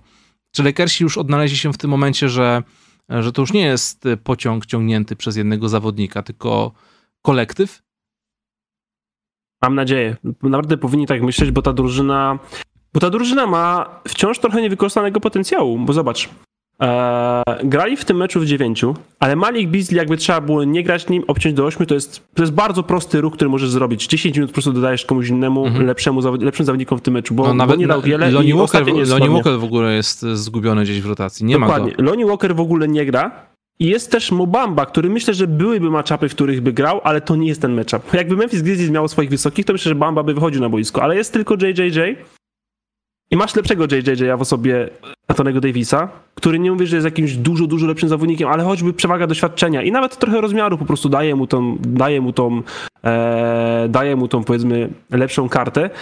I i naprawdę są tutaj właśnie, mówię, Bamba, czy Lonnie Walker, czy mówię, ruszenie minut Malika Bezleja. Naprawdę możesz zmienić 20-25 minut w meczu bardzo prosto, nie tracąc za dużo, bo to nie jest tak, że ucinasz Malika Bezleja i o Jezu, robi coś, czego nikt inny nam nie robi, nie? Bo nagle, wiesz, trójki właśnie trafia D'Angelo Russell, trójki bardzo dobrze trafia Austin Reeves. Ja myślę, że rzutowe mecze e, lepsze będzie miał też e, LeBron James. A wiesz, Troy Brown Jr. też potrafi dorzucić i to nie jest tak, że się kończy, nie? Coś, co, czego nikt nie daje nikt inny, to jest chyba tylko i wyłącznie szybkość Denisa Schroedera. Jakby się Schroeder kontuzjował, to mielibyśmy problem, bo nagle byśmy byli starzy i zdziedziali. Bo D'Angelo Russell, Austin Reeves, LeBron James tak szybcy już nie są. Ale poza tym naprawdę można w tej drużynie jeszcze wiesz, możesz kilka suwaków sobie poprzesuwać, tak, tak w zależności od tego, co potrzebujesz, więc jest tam niewykorzystany potencjał, ale na razie to trzeba uważać, bo to Memphis wciąż grał siebie, wciąż jest bardzo groźne i wciąż jest bardzo utalentowane, bo Jaren Jackson Jr. wczoraj we wszystkich momentach, kiedy nie krył go wprost Anthony Davis, wygląda jak potwór. E, po stronie Memphis oczywiście musimy tutaj bardzo wyróżnić JJ'a, bo to jest niesamowite, kiedy zawodnik stricte defensywny rozgrywa świetny mecz ofensywny, 31 punktów e, i były momenty, gdzie naprawdę dominował pod tym koszem, jeszcze dobijał po, po zbiórkach ofensywnych, więc naprawdę brawo. Desmond Bain 22 punkty. Jamorant miał 18 punktów i szczerze mówiąc moim zdaniem był mocno niewidoczny. Nie wiem, czy to było spowodowane po prostu Jaredem Vanderbiltem, czy jakimś tam... Myślę, że świetnie go kryli. Czy tam e, zabrakło mi tej agresji w nim. E, I owszem, raz na przykład próbował przeatakować kosz, co się skończyło, jak wiemy, tragicznie, bo skończyło się atakiem, atakiem na, na, na, na szarże i upadkiem z piątego piętra, co sprawiło, że Jamorant po prostu musiał zejść z tego boiska. Nie wiadomo, czy zagra w, me w meczu numer dwa. E, I nie wiem jak ty, ale ja przed tą serią typowałem Grizz Grizzlies w siedmiu, e, ale bez Jamoranta to będzie upset. Upset był Lakersi z siódmego. Wiesz o co chodzi. Tak, ja też jak notuję timestampy tego streama, to zawsze notuję pierwszą drużynę z wyższym y, seedem rozstawioną. Tak powinno być. Eee, oby, ten, oby, oby to był upset i oby to był w miarę szybki upset, bo ja nie przeżyję siedmiu meczów. Dobra. Nie przeżyję. Mówię ci, ja się półtorej godziny uspokajałem w ogóle do... Coś tak, pół godziny to się w ogóle uspokajałem, żeby móc mówić normalnie. Mhm. A tak, żeby myśleć w ogóle o tym, żeby zaczynać się czuć, żeby zacząć czuć senność, to było półtorej godziny, nie? A ten mecz w końcówce przecież był blowoutem, nie? Bo to jak się y, obrona Memphis rozsypała w końcówce, to się rozsypa spektakularnie. Bo ten mecz cały czas naprawdę był bliski. To nie to z 4-5 minut do końca meczu było eee, blisko było cały, cały czas. czas bliziutko, 2-3 minuty przed końcem był praktycznie chyba, były okolice remisu i zaczęła się sekwencja. Zaczęła się sekwencja showtime'u. Austin Reeves wchodzi pod kosz i rzuca piłkę za plecami do Rui Hachimure, która trafia czystą trójeczkę, e, a później Austin Reeves w każdej akcji już nawet nie oddaje piłki, oddaje same rzuty bez patrzenia na kolegów, 9 punktów bez pudła z rzędu. I w pewnym momencie zrobi się już taki run, ostatnią trójkę, aż sobie zapisałem 3 minuty 11 e, sekund przed końcem, JJ e, trafił trójkę, która była ostatnimi punktami dla Memphis. I wtedy było 113 do 112 dla Lakersów. I te 3 minuty 11 sekund Lakers mieli 15 do 0. To była kompletna rozsypka, meltdown, to było oddanie meczu, pogrom, nie wiem jak to można inaczej nazwać. E, masz mecz, no, no nie, no, się masz, mecz masz, masz, mecz e, cały czas, może nie, że w garści, ale jest, jest, cały czas gdzieś tam szansa i nagle popełniasz jeden, drugi, trzeci, piąty głupi błąd i jak można stracić 15 punktów w ciągu 3 minut w klacz? To jest okrutne przez najmniej atletycznego zawodnika na boisku. W sensie, wiesz, to jest właśnie to, to jest najmniej atletyczny zawodnik na boisku a, i po prostu powinieneś coś, znaczy no teraz oczywiście każdy mądry po szkodzie, może rzeczywiście nie, ale no nie wiem, chyba bym czegoś spróbował po trzeciej udanej akcji z rzędu. W sensie, wiesz, drużyna gra jeden set cały czas i cały czas zdobywa z niego punktu. Zrób cokolwiek. Innego po prostu, wiesz, zrób switch, wystrasz JJJ-em, wiesz, Ostina Reevesa, nawet jeśli masz do niego wpaść i spowodować faul, wiesz, możesz sfaulować raz jeszcze, nie, ale może jak do niego wpadniesz, to drugi raz się zastanowi i zrobi to pół tempa wolniej, bo Lakersi grali tą samą akcję cały czas. D'Angelo Russell pozoruje zasłonę, Anthony Davis robi zasłonę, do środka, punkty, punkty, punkty, bo e, i to jest świetna obrona, przecież Memphis to jest dobra obrona, bez Jamoranta to zawsze była lepsza obrona, i ona się po prostu rozsypała. To, to obrona, bo jakby wiadomo, że nie zdobyli punktów, ale też wiadomo, że inaczej podchodzisz do ataku, kiedy tracisz punkty, tracisz, tracisz, tracisz i cały czas grasz spod kosza, nie masz nic szybszego. No, to było, to było zaskakujące. Ja myślałem, że ja się właśnie bałem, bo wiesz, że Moran zszedł i właśnie był dwięty do końca, mówisz i był remis. Ja mówię, dobra, Boże, będzie gnój, nie? Będzie nerwówka, będzie punktem, ktoś będą jakieś wolne, a tu nic w ogóle z tego nie miało miejsca. E, oczywiście chcę widzieć Jamoranta w tej serii, żeby nie było, ale z drugiej strony to otwiera trochę szansę dla Tyusa Jonesa, e, którego chyba po, po cichutku staje się fanem, bo powiem ci, że e, jeśli Tyus sobie walnie taki swój um, rozgrywający masterclass, e, czyli jak najmniejsza liczba strat, jakieś tam floatery, świetne od, odgrywanie e, na trójki. Wiesz, są takie momenty, kiedy, kiedy Tyus e, przypomina mi troszkę jakieś takie nowe wcielenie e, Tonego Parkera. Nie wiem, czy sobie przesadzam tutaj z tymi wizjami, ale naprawdę momentami to widzę i, i e, Grizzlies już nie, niejednokrotnie udowadniali, że potrafią wygrywać bez Jamoranta, więc ja bym tu jeszcze nie skreślał tej drużyny tak całkowicie. Na pewno wygrałem jakiś mecz tej serii, jak nie dwa. Ja, ja postawiłem w tym w serii e, Lakers 6 e, i nawet jeśli Jamorant ma nie zagrać w żadnym meczu do końca tej serii, to ja zostaję przy tym typie. Nie będzie wcale tak łatwo, więc Lakers naprawdę muszą uważać, e, bo zamiana, zamiana minut z e, Tillmana na jakiś szybszy, lepszy small ball i naprawdę nie będzie, nie, nie, nie będzie ciekawie, bo Tyus Jones to jest, to jest po prostu podręcznikowy rozgrywający. E, Luke Kennard oddał w tym meczu tylko, tylko, tylko 5 rzutów 4 za 3, ale jak dla mnie nie nadążali za nim kompletnie. W sensie ja bym grał sety na niego, bo dużo kosztowało bieganie za nim i tak naprawdę on do tych rzutów dochodził za każdym razem, kiedy, kiedy szedł set e, na, na jego obiega, obieganie zasłon i wypracowanie pozycji. Plus Jaren Jackson Jr. we wszystkich nie Antonon Davisowych minutach robił prawie co chciał. Nie robił co, chcia robił co chciał, z LeBronem i z Ruim musiał popracować, ale tak dostawał to co chciał, tylko musiał na to popracować. Mhm. I tylko Anthony Davis mógł go zatrzymywać w miarę.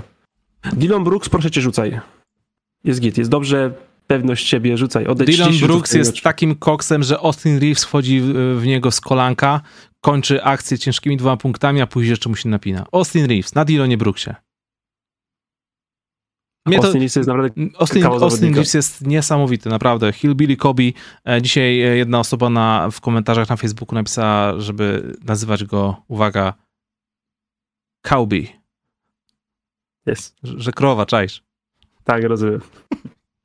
Straszne to jest. I'm him. I'm him, dokładnie. Dobra, kolejna seria. Co powiesz na Phoenix Suns Los Angeles Clippers? Tak, to jest moja seria numer 3.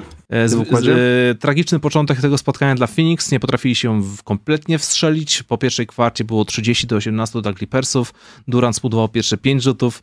Um, no i później dopiero mecz się zaczął, ale jak wiemy, jak się skończył, doskonale wiemy. Skończył się wielkim bohaterstwem Russella Westbrooka, czyli naprawdę dobrym, czystym czapskiem na Devinie Bookerze. Czapskiem, które zostało jeszcze zakończone wybiciem piłki na auto oraz posiadaniem dla Clippers. Dzięki temu udało się utrzymać e, prowadzenie. I tak. Ale w gruncie rzeczy ta pierwsza kwarta ustawiła ten mecz. Tak. Ustawiła ten mecz mimo wszystko. No, Eric Gordon był fenomenalny. Miał chyba 12 punktów w samej pierwszej kwarcie, łącznie miał 19. Eee, po stronie Suns Devin Booker 26, Tori Craig 22. Eee, Kevin Durant miał 27 punktów, 9 zbiórek, 11 asyst. Do niego za chwilę wrócimy. Najpierw bym chciał z tobą pogadać o Russell Westbrooku. 9 punktów, 11 asyst, 11 e, zbiórek, 8 asyst, 2 przechwyty oraz 3 bloki, 3 na 19 z gry. I Russell Westbrook jest uznawany za bohatera tego meczu, wiadomo dlaczego. Trafił e, oba wolne 18 sekund przed końcem, następnie sprzedał najważniejsze zagranie defensywne tego spotkania, utrzymał posiadanie, dzięki czemu Clippersi by to wygrali. I ja ci spotkałem się z, z, z, kilkoma takimi określeniami, że ten mecz to był najbardziej Russell Westbrook experience, jaki tylko można mieć. Że to są czyste to jest, emocje. To są, to właśnie to, to on relacje, meczu to są tylko emocje. To są relacje miłości i nienawiści, bo gdyby nie ta, bo gdyby nie ta ostatnia akcja, byśmy pamiętali tylko i wyłącznie to, jak bardzo Westbrook oddawał mnóstwo złych, nieprzygotowanych, ceglastych rzutów.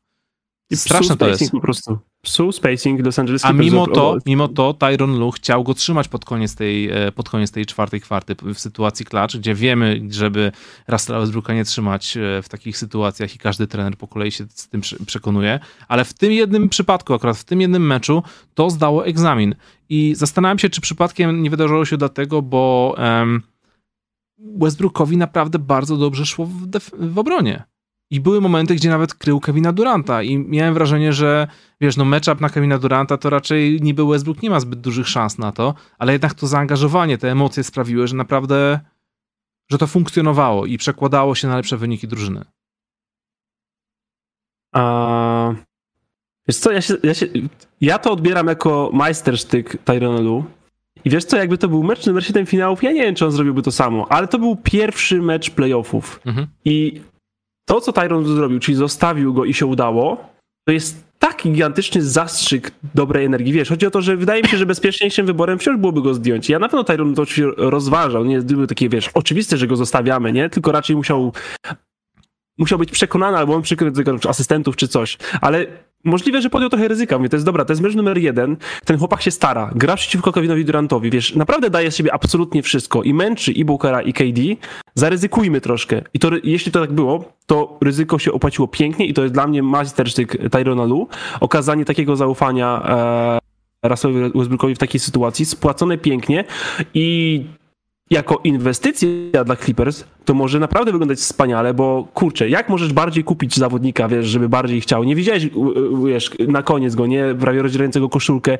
Widać, że jest zajawiony, a to, że się udało ten mecz wygrać, kupiło też kibiców, nie? Wiadomo, że kibice to wiesz, no przychodzi gość z Lakers prawie.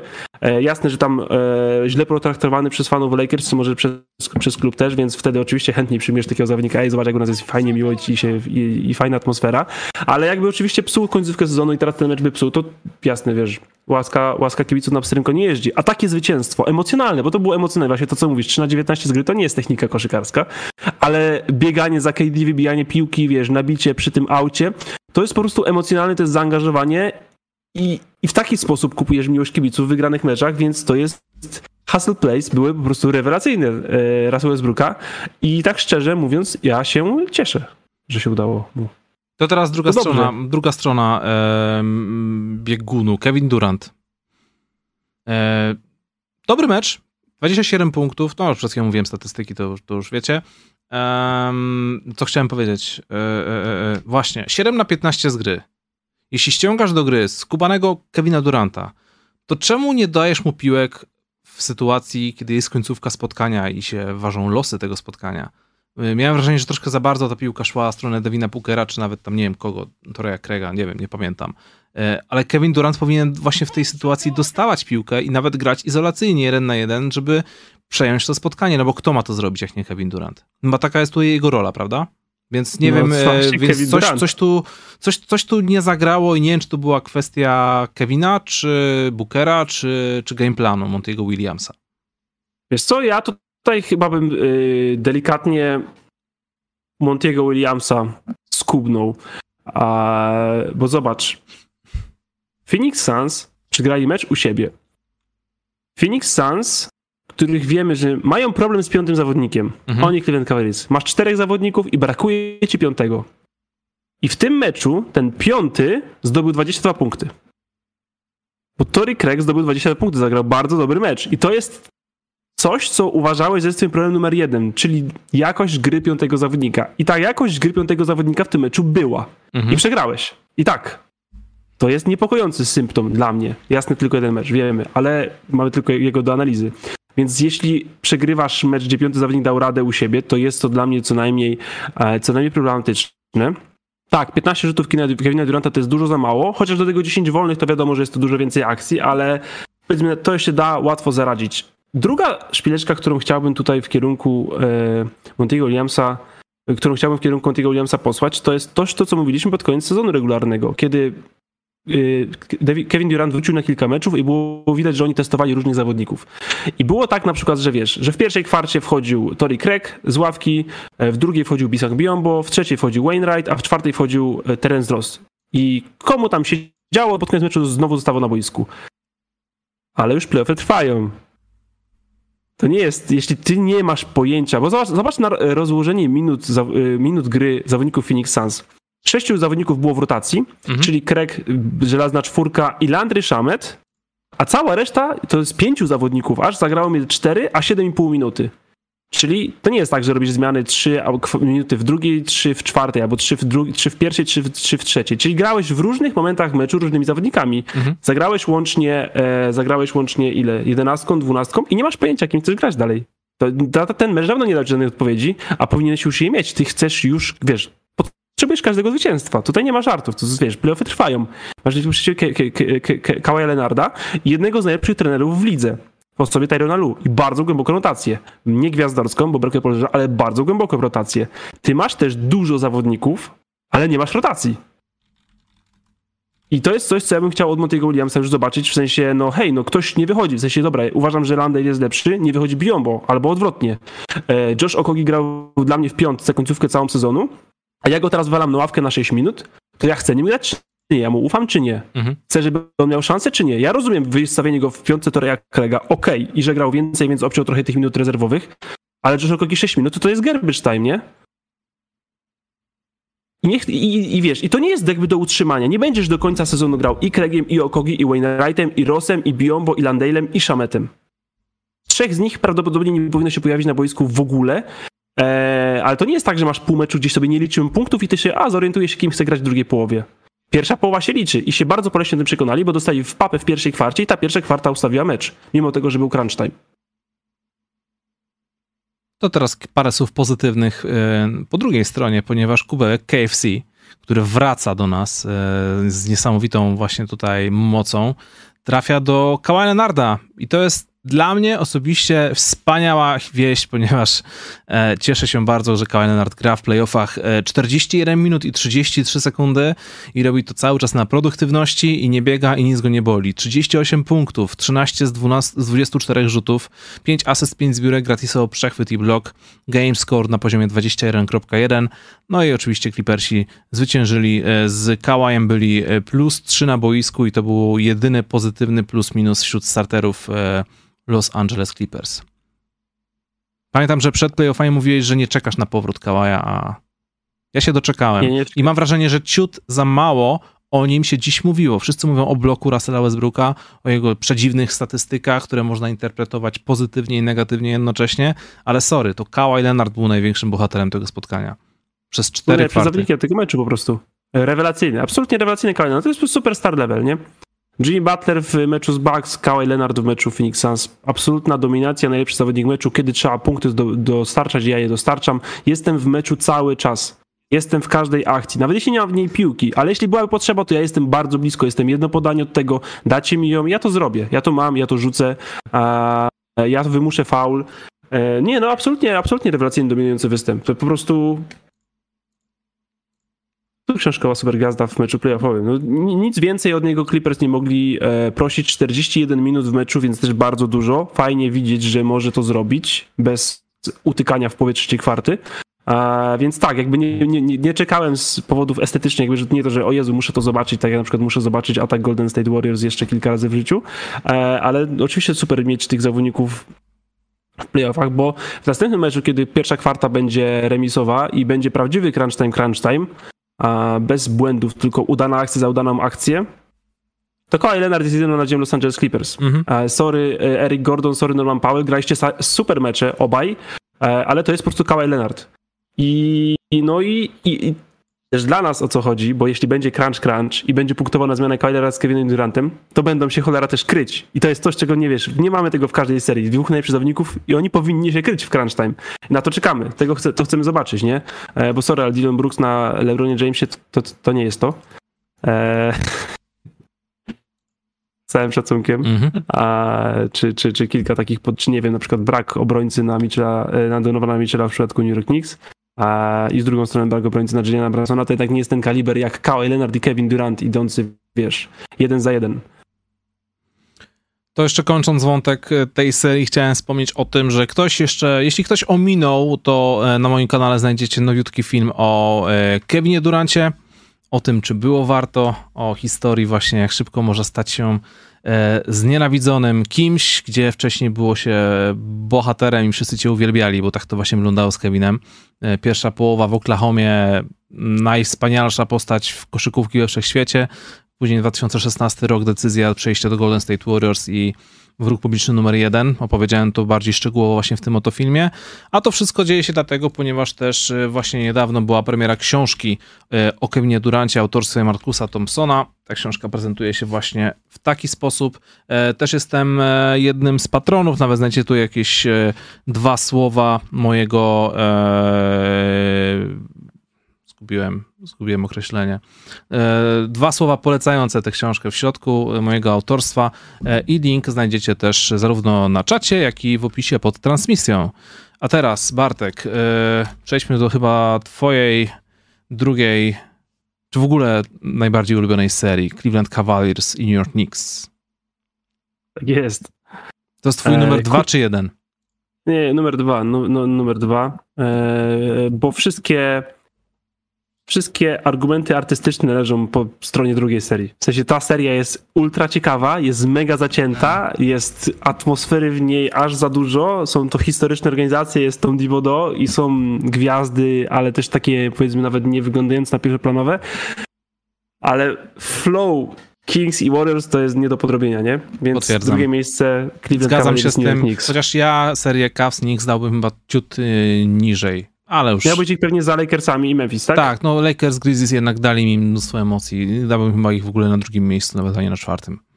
Ja nie, bo mi dadzą zawał na pewno. E, Nixi wygrali pierwsze spotkanie 101 do 97 i e, mecz był taki, że Knicks praktycznie przez większość spotkania prowadzili aż pod koniec zaliczyli kilka naprawdę mocnych takich e, brain fartów i Cavs mieli szansę, żeby to, żeby jeszcze wyprostować wynik, no a na szczęście e, się ogarnęli, ponieważ, uwaga, kto się pojawił, kto, kto, kto to wszystko zrobił?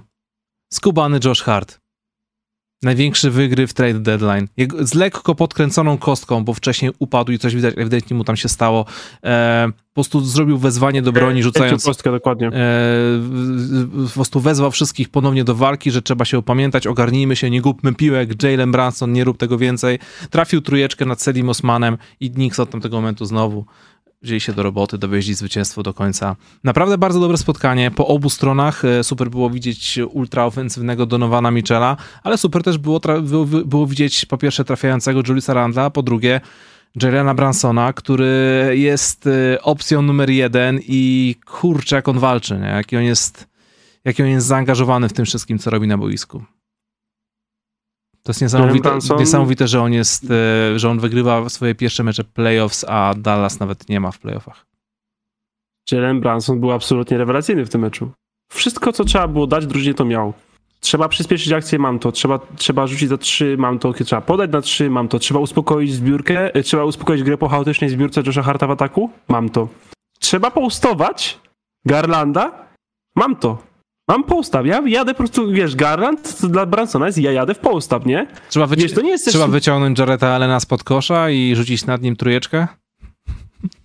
Naprawdę. Wiesz, to jest kurczę tak, jest, ile Jalen Branson ma e, wzrostu?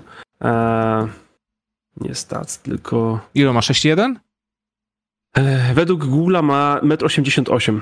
E, no to nie jest najwięcej, jak się jest koszykarzem NBA. Więc wiesz, jak masz 1,88 m, to raczej ci trenerzy nie mówią, ej stary, poćwicz post-ups, bo ci się przydadzą bardzo w lidze. Wiesz, w lidze jest 20-30 zawodników, na których on może postapować, a i tak ma tą grę, wiesz, musiał na tym pracować i to raczej mówię, nie był do tego najbardziej zachęcany, więc musiał to po prostu ekstra czas na to poświęcić. I jest jakiś matchup do użycia, w tym przypadku jest to Darius Garland dla Jane'a Bransona i on go używa wielokrotnie za każdym razem, kiedy ma okazję. Jak tutaj Hesuroki napisał właśnie na czacie, jak profesor, dokładnie. Kiedy to mam, to to biorę. Nie mam, mam dużo innych sposobów, w jaki mogę płynąć na grę i mogę wpłynąć na atak. Był, Rewelacja. Był kiedyś taki zawodnik, nazywał się Andre Miller, jeden z moich najulubieńszych koszykarzy w historii, więc tylko widzisz, to troszkę się jednak czas, koszykówka pozmieniała od czasu Andre Millera, a mimo to Jalen Branson wynajduje te momenty sporadyczne w meczu, żeby i tak to wykorzystywać, więc e, chwała mu za to. Bo musisz być Andre Millerem, ale tak, żeby być w stanie rzucić w meczu każdym prawie 25 punktów. Bo jednak punkty są najważniejsze. No nie ma co się oszukiwać. Trafiasz wiesz, trójki być, musisz. Wiesz, Dokładnie. Musisz być maestro we wszystkim innym, ale właśnie to chodzi, żeby zrównoważyć ziomka, który trafia przeciętnie za trzy, musi być maestro w czymś. A możesz po prostu być ziomkiem, który trafia 40% na 3 i masz zawsze miejsce w lidze. Zawsze po prostu, nie? Niesamowite to jest, jak to jest, jak, jak to jest jakby niezbalansowane, ale no taki po prostu jest rzeczywistość. Eee, druga sprawa. Julius Randle. Boże, jak dobrze, że on jest zdrowy. Ja wiem, że nie jest w 100% na pewno, bo po skręceniu kostki jak szybko to nie jesteś, ale że on gra i on może, jakkolwiek się ten sezon nie skończy, zakończyć go na swoich warunkach i po prostu uczciwą grą. Bo ja się tak strasznie bałem, zresztą mówiłem o tym, że to był trzeci zawodnik, którego bym uleczył. Jakbym mógł uleczyć, to uleczyłbym Lebrona, uleczyłbym Chrisa Middletona i uleczyłbym jego. Bo tak strasznie nie chciałem, żeby on w swoim, bo to jest jego właściwie sezon odkupienia, nie? Mhm. On zaliczył słaby sezon poprzedni, fatalne playoffy wcześniej, dostał między kontrakt i teraz się odkupił, bo gra bardzo dobry sezon i wszystko, czego tego nie chciałem, żeby się zakończyło w taki sposób, że on albo nie będzie mógł grać, albo będzie grał niezdrowy i będzie grał słabo, bo jak gra z kostką, to raczej grasz słabo i straci to, wiesz, to, to, to zaufanie kibiców, które odbudował, jakby tą pozycję w lidze, że to się wszystko rozsypie, wsypie, a dobra, jest w sumie do dupy w playoffach, więc to są puste statystyki, statystyki znowu Julius Randle, przez to, że grałby kontuzjowany.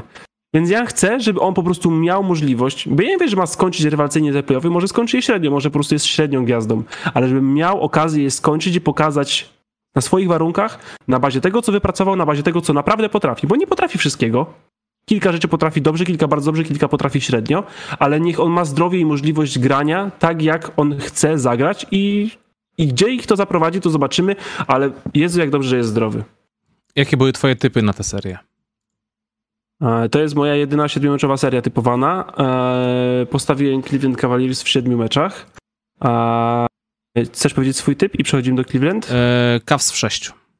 Cavs 6, ok. To możemy przejść teraz do Cleveland, bo Cleveland to jest ta druga strona medalu, gdzie z jednej strony wybici Phoenix Suns, z drugiej strony są wybici oni. Nie było piątego zawodnika. W tym meczu nie było piątego zawodnika w ogóle. Isaac Okoro 1 na 6 z gry i to był wielki problem z Cleveland Cavaliers, bo grali w czterech. Przykro mi, ale grali w czterech w tym meczu, bo Dean Wade, Levert, y, to, co zostało z Rickiego Rubio, na koniec Sedi Osman, który najwięcej zagrał, ale po prostu kogoś trzeba było wybrać i grał Sedi Osman, to było za mało. Mhm. Eee, no, mamy nadzieję, że w kolejnych meczach chociaż jedna osoba się wyłoni jeszcze do gry, no bo w czterech się nie da grać. Chociaż kłam zadaje temu twierdzeniu Darius Garland. E, pół, Donovan Mitchell, przepraszam. Bo Donovan Mitchell był w tym meczu absolutnym kosmosem, nie? Zdobył 38 punktów, to jest tyle samo co Kyle Leonard, chyba troszeczkę więcej niż Jim Butler, ale on był półkę wyżej, bo on zdobył 38 punktów grając 4 na 5. Te trójki, które on oddawał, one nie były kontestowane, one były kontestowane podwójnie. Tam często było dwóch ludzi, trzech ludzi pół kroku za nim ktoś, pół kroku przed nim ktoś. On i tak wziął wszystkie rzuty, które chciał. To, co Jalen Branson robił jeden na jeden, to Donovan Mitchell z drugiej strony robił jeden na dwa. Po prostu nikt nie miał na jego odpowiedzi, mimo tego, że kryli tylko cztery osoby. Bo piąty zawodnik Cleveland Cavaliers generalnie mógłby być, e, no ktoś po prostu mógłby stać w znaczniku tam i niewiele więcej by się zmieniło. A Donovan Mitchell i tak był nie do powstrzymania. Czyli generalnie był nie do powstrzymania w dwóch obrońców na jednego Donowana Michela. Naprawdę majstersztyk. To jak on brał te trójki swoje, jak krosował ludzi, krosował ludzi podwójnie, dostawał się na linię. Eee, no mówię, chociaż pół przyzwoity mecz piątego zawodnika, ja myślę, że Donovan Mitchell wziąłby tą końcówkę. Po prostu. Eee, bo był absolutnie nie do zatrzymania w tym meczu, ale Knicks mieli drużynę, a Cleveland Cavaliers mieli dziurę.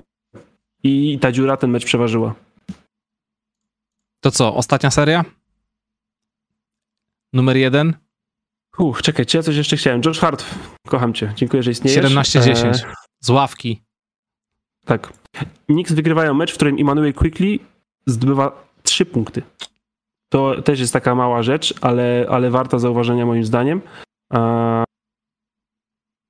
No i w sumie dobra, nie będę już przedłużał. Iwan Mobley, nadzieję, że, Iwan, nadzieję, Iwan, że... Iwan Mobley nie miał dobrego wejścia w tym spotkaniu i tutaj też liczę na to, że... Ale to jest Tim Duncan. Ja, ja jestem zakochany w tym gościu. To, to jest Tim Duncan, naprawdę. Jeśli mamy mieć cokolwiek blisko... I ty mówisz, że to nie jest Tim Duncan jakby jeden do jednego. Tak samo jak nie mamy już Kobiego, nie? Mówimy tam DeMar DeRozan, mówimy sobie Devin Booker. Mhm. To są, wiesz, w tym kierunku idący gracze, ale nie są to ci gracze.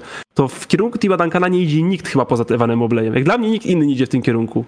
Kocham tego zawodnika. Słaby mecz, to prawda. Kocham tego zawodnika, naprawdę.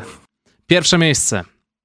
Sacramento Kings, Golden State Warriors, czyli wielka, emocjonująca, hollywoodzka, efektowna, ultraofensywna koszykówka między aktualnymi mistrzami, a drużyną, która wraca do playoffów po 17 latach przerwy. I powiem ci, że ten mecz miał wszystko. 126 do 123 dla Sacramento Kings. Wygrali mecz otwarcia u siebie i oglądałem ten mecz z mm, komentarzem e, miejscowym. Trudno było usłyszeć momentami, co mówi komentator. Bo hala, co się darła, co krzyczała, to sorry, ale no, ochrona Miami Heat by tutaj nie wyprowadziła ich wszystkich. No nie, wspaniała atmosfera.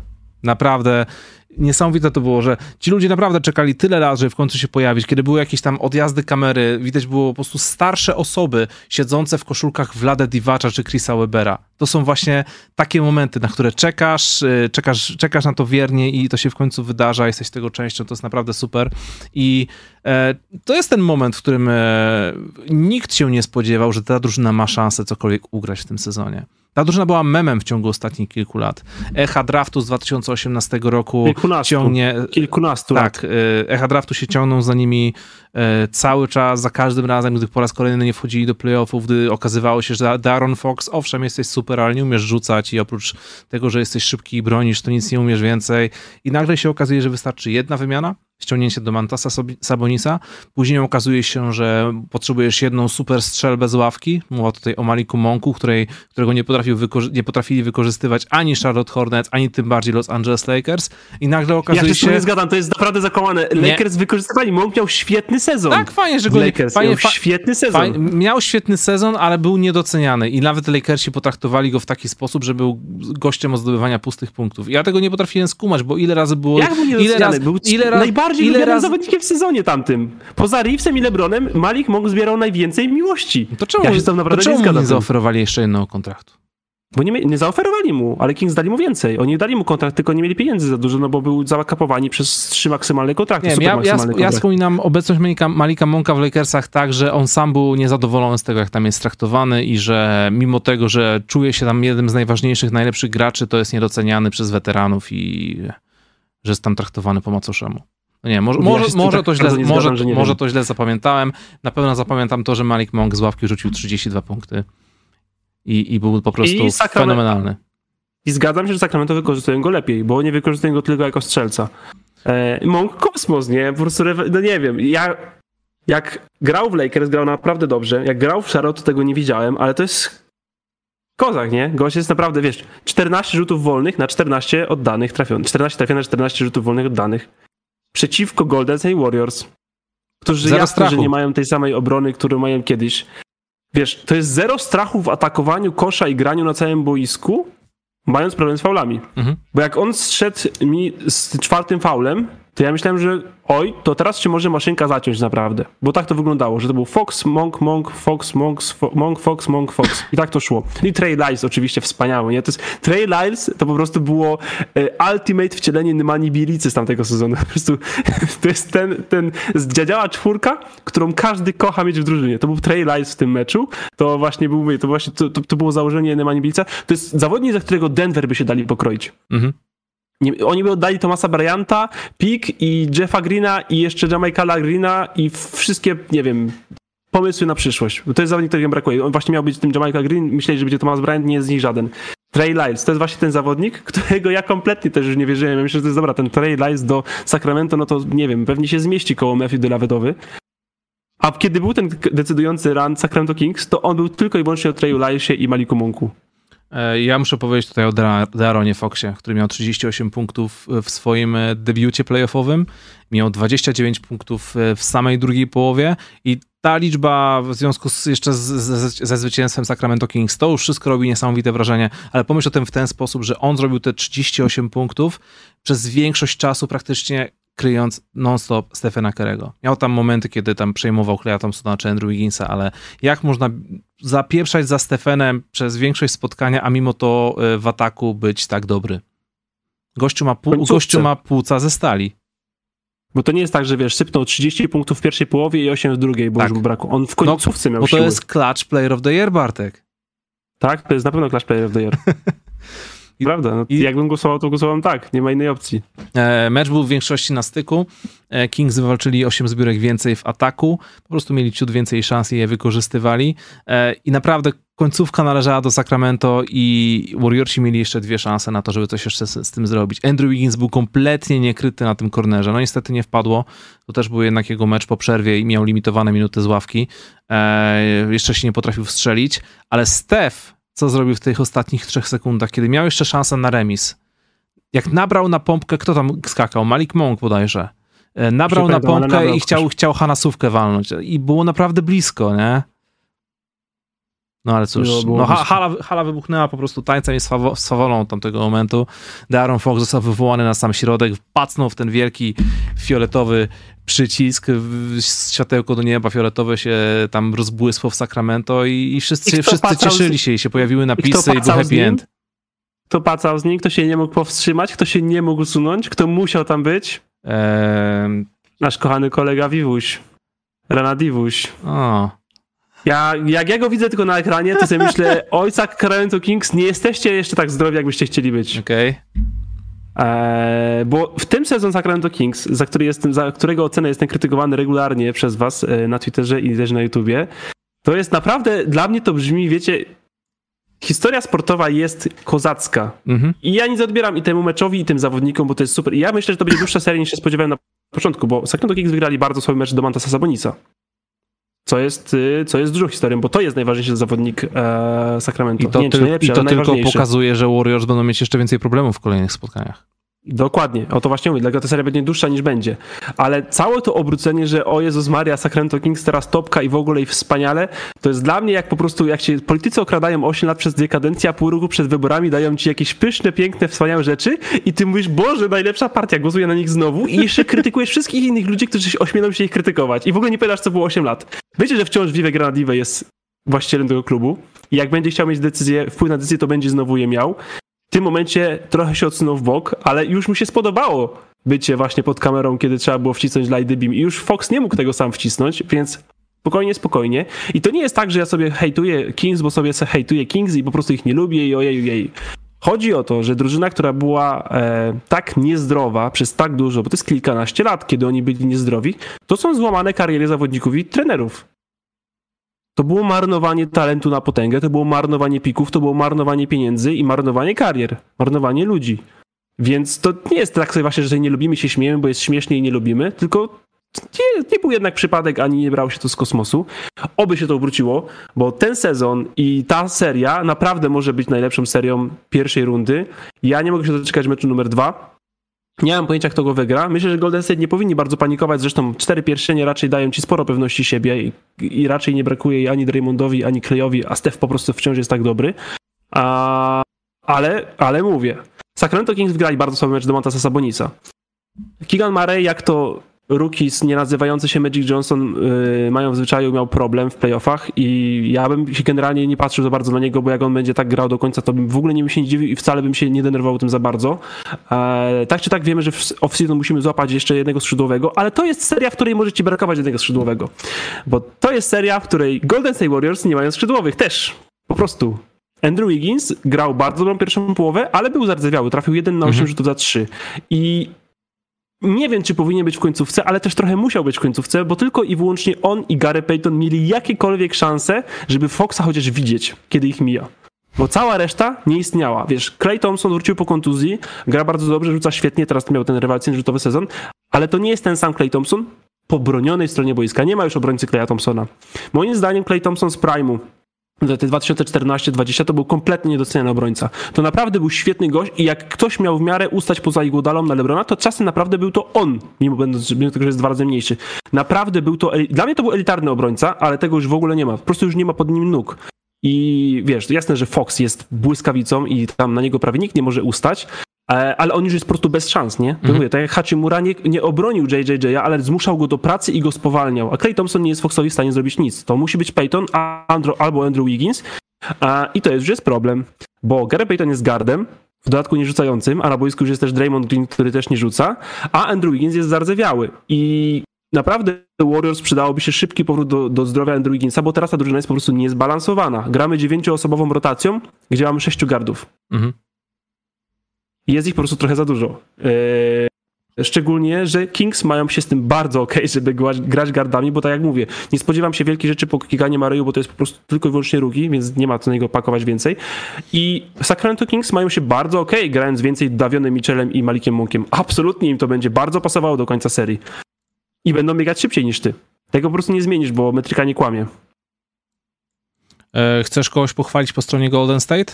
Oprócz takich oczywistych wyborów jak Steph, Steph Curry chociażby, czy, czy, czy rozdający asysty Draymond Green, bo na przykład ze swojej strony to może statystyki tego nie pokazują, bardzo mi się podobała agresja Dante DiVincenzo. Było kilka, DiVincenzo bardzo było mecz, kilka tak. takich momentów, gdzie się rzucał po piłki, próbował coś tam odratować, próbował w obronie gdzieś tam poprzeszkadzać i, e, i, i to było naprawdę fajne i Jonathan Kuminga e, chłop ma taki atletyzm. Ja, ja bym chciał zobaczyć, żeby te próby posterów kiedyś w końcu wyszły i, i, i żeby... Wejdą, wejdą. No, to wejdą, jest naprawdę wejdą. niesamowite, co ten chłop czasami próbuje wykonać. I zobacz właśnie, jaki masz problem. Bo po, chcesz grać więcej Dante DiVincenzo, bo gra bardzo dobry mecz. Ale nie możesz. Bo już masz dwóch gardów z definicji zawsze, bo masz to Kleja i Karego. Mhm. A jak któryś z nich siedzi, to gra za niego pól. I już masz dwóch. Możesz mieć maksymalnie trzech. Nie możesz przegiąć. I nie możesz mieć tego Dante, bo chcesz Garana, bo musisz Garego Paytona czasem wpuścić, bo jak nie ma Wigginsa na boisku, to Fox robi absolutnie co chce. Absolutnie co chce. I widzisz, masz problem. I, i wiesz, Steve Kerr na pewno wiedział, że Dante Davidson gra świetny mecz i nie zagra nawet 20 minut. Bo po prostu tych minut nie ma. Nie ma. Nie możesz grać trzema gardami non-stop, a na pewno nie możesz wystawić czterech na boisko. E, powiem ci, że ja miałem drobny problem z Jordanem Pulem. On co prawda miał te 17 punktów z ławki, ale um, oddał 10 rzutów, 22 minuty i, i miał takie dwie trójki, gdzie nawet ja się łapałem za głowę, że w sensie on, on, ja wiem, że on się uczy od Stephena Kerego i mówi się często o tym, że to jest właśnie taka relacja nauczyciel-uczeń, on chce grać jak Steph Curry, ale on nie może oddawać rzutów jak Steph Curry, on nie, on nie może myśleć, że jest Stephenem Curry, bo to się po prostu kończy, wiesz, pudłem, kontrą i stratą punktów dla Golden State. A były takie momenty, że oddawał kompletnie nieprzygotowane rzuty. W tej lidze, w tej lidze tylko Lidart i Stephen mogą oddawać takie rzuty. Ja myślę, że to, to, to, są minuty, które będą topniały, bo w tej serii konkretnej, bo Gary Payton drugi zawsze będzie wejście na boisko tak długo jak Fox będzie grał dobrze. Clay Curry to jest dość oczywista sprawa. DiVincenzo gra świetnie. I Pool w tym momencie dla mnie jest piątym gardem, bo po prostu no nie mogę, nie mogę wszystkim zagrać 30 minut. I tak naprawdę, zobacz, jakbym wywalił pula z tego meczu i grałbym Dante 28 minut, Peytonem 24 i może Karym po prostu 44, a nie tylko 37, mhm. może ten mecz skończyłby się inaczej. A nie czuję, żebym obcinając minuty Jordanowi Pulowi, żebym stracił, tracił coś bezpowrotnie i że nie mogę się tutaj bez tego pozbierać. Co jest trochę kiepskie, kiedy płacisz Rzemeczkowi takie pieniądze, jakie płacisz. E, w zeszłym tygodniu podaliśmy swoje typy, więc może już tutaj nie będziemy się powtarzać. Jakby co ja utrzymuję mm, swo, swoją wizję. E... Ja powiedziałem Warriors w pięciu, ale myślę, że to będzie dłuższa seria po tym pierwszym meczu. Mam nadzieję, że będzie to dłuższa seria. Bartek, czy przechodzimy do. Tak. Tak. Poleciało trochę, nie? A o, wiem, co jeszcze na koniec, póki jeszcze ludzie nie uciekli, bo wiemy, że ten, ten, ten podcast będzie dłuższy niż zwykle. Słuchajcie, zostaliśmy nominowani do nagrody najlepszego podcastu sportowego przez e, stronę Best Stream Awards. E, I z tego co widziałem, nie jest to jakiś taki udawany konkurs, tylko najprawdziwszy konkurs, gdzie nominowani są ludzie z czołówki sportowej w Polsce, bo na przykład są historie z boiska Konrada Szymańskiego, jest Budniki Pokrzewiński, Bieganie.pl i w cieniu sportu, więc to są naprawdę ludzie, którzy mają zasięgi, mają rozpoznawalność, są naprawdę dobrzy w tym, co robią, więc przyznam szczerze, jesteśmy chyba tak dość pozytywnie, mile wyróżnieni, że akurat podcast o koszykówce i akurat nasz został tutaj powołany. Jest mnóstwo miejsc, gdzie można oddać głosy na nas. E, wrzucałem to na Insta Stories, na Instagramie, jest na Facebooku, może nawet na Twitterze, jest tego akurat nie sprawdzałem, e, ale wystarczy, że sobie wpiszecie Best Stream Awards e, na Facebooku czy Instagramie i na pewno wam gdzieś to wyskoczy i wtedy będziecie mogli na nas zagłosować. Nie przygotowałem linków, bo jestem nieprofesjonalny, ale jak ktoś będzie chciał, to może e, to zrobić dla nas. To co? Przechodzimy do donate'ów. Przechodzimy do donate'ów.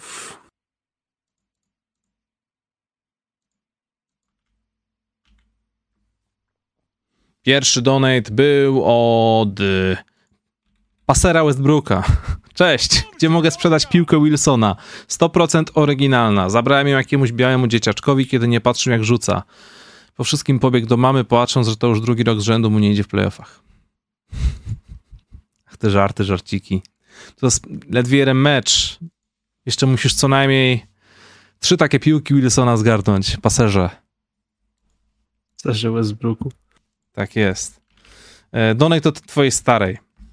Wracając do wątku draftu i Wembaniamy, według was, której drużynie mającej realne szanse na pierwszy pik, Wembaniama mógłby osiągnąć przynajmniej finał konferencji w, pierwszej, w pierwszym sezonie?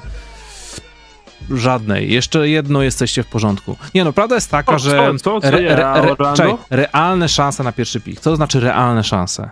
Jeśli masz drużynę, która ma na przykład 3% szans, to masz wciąż realną szansę, prawda? Tylko, że 3%, a nie 14%. Daj Wembaniamy No. do Luki Doncicia i, i, no nie wiem, czy Kairi jeszcze będzie. Daj Wembanianę do Luki Doncicia. Będzie finał E, konferencji? Myślę, że większe szanse ma w Orlando. Jesteś hype manem Orlando. Jestem. No dobrze, okej. A szkoda, że nie Indiana, ale to jeszcze nie ten rok. E, Żarcik od Why No. Uwaga, gdzie są Warriors?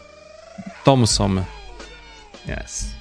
Jest. Mam, mam suchar dzisiaj. Mam suchar dzisiaj z pracy. E, pieskowy od e, jednego z naszych widzów i mojego kolegi prywatnie. Pozdrawiamy. E, najpierw kolegi, potem widza oczywiście. Pozdrawiam. Mateusz Lubinio. E, dlaczego bulldog angielski nie, e, nie szczeka? Bo zapomniał how. Yes. Nie. Nie, Bartek. Jedna koleżanka się rozpłakała ze śmiechu, więc Maria.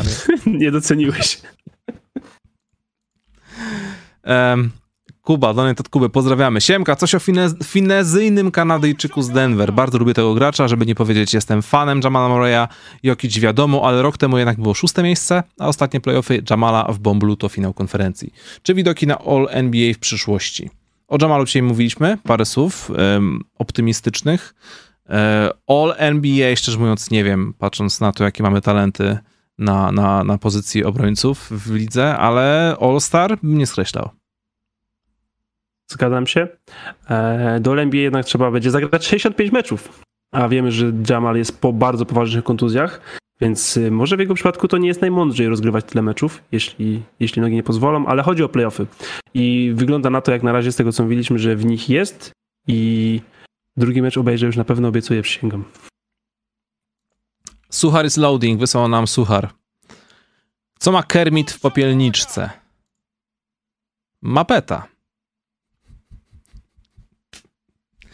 Ale dzisiaj humorzaście. Suchar is loading, dziękujemy, pozdrawiamy. E, Fox Cox, pozdro. Ekip, śledzę twoją działalność od 2017, dziękuję pięknie. Pamiętam, że na początku wypuszczałeś filmiki o drużynach marzeń. Mam pytanie, czy na fali aktualnych sukcesów Kings, czy mógłbyś stworzyć analogiczny filmik o królach? Chłopaki, dzięki wam zaraziłem się koszem. E, z tymi drużynami wszechczasów to różnie bywa, nie? Ja bardzo lubię, że ta seria jest tak strasznie nieregularna. No, się pojawia raz na To 3 jest lata. Super, dokładnie, no to jest ekstra. No, a w sensie pojawia się raz na 3 lata. Odcinek o Miami Heat był dobry, bo był robiony już jak byłem ogarnięty, ale te pierwsze odcinki, jeszcze z gierkami tukajowymi, ja bym jeszcze, ja bym jeszcze zrobił jeszcze, jeszcze raz po prostu.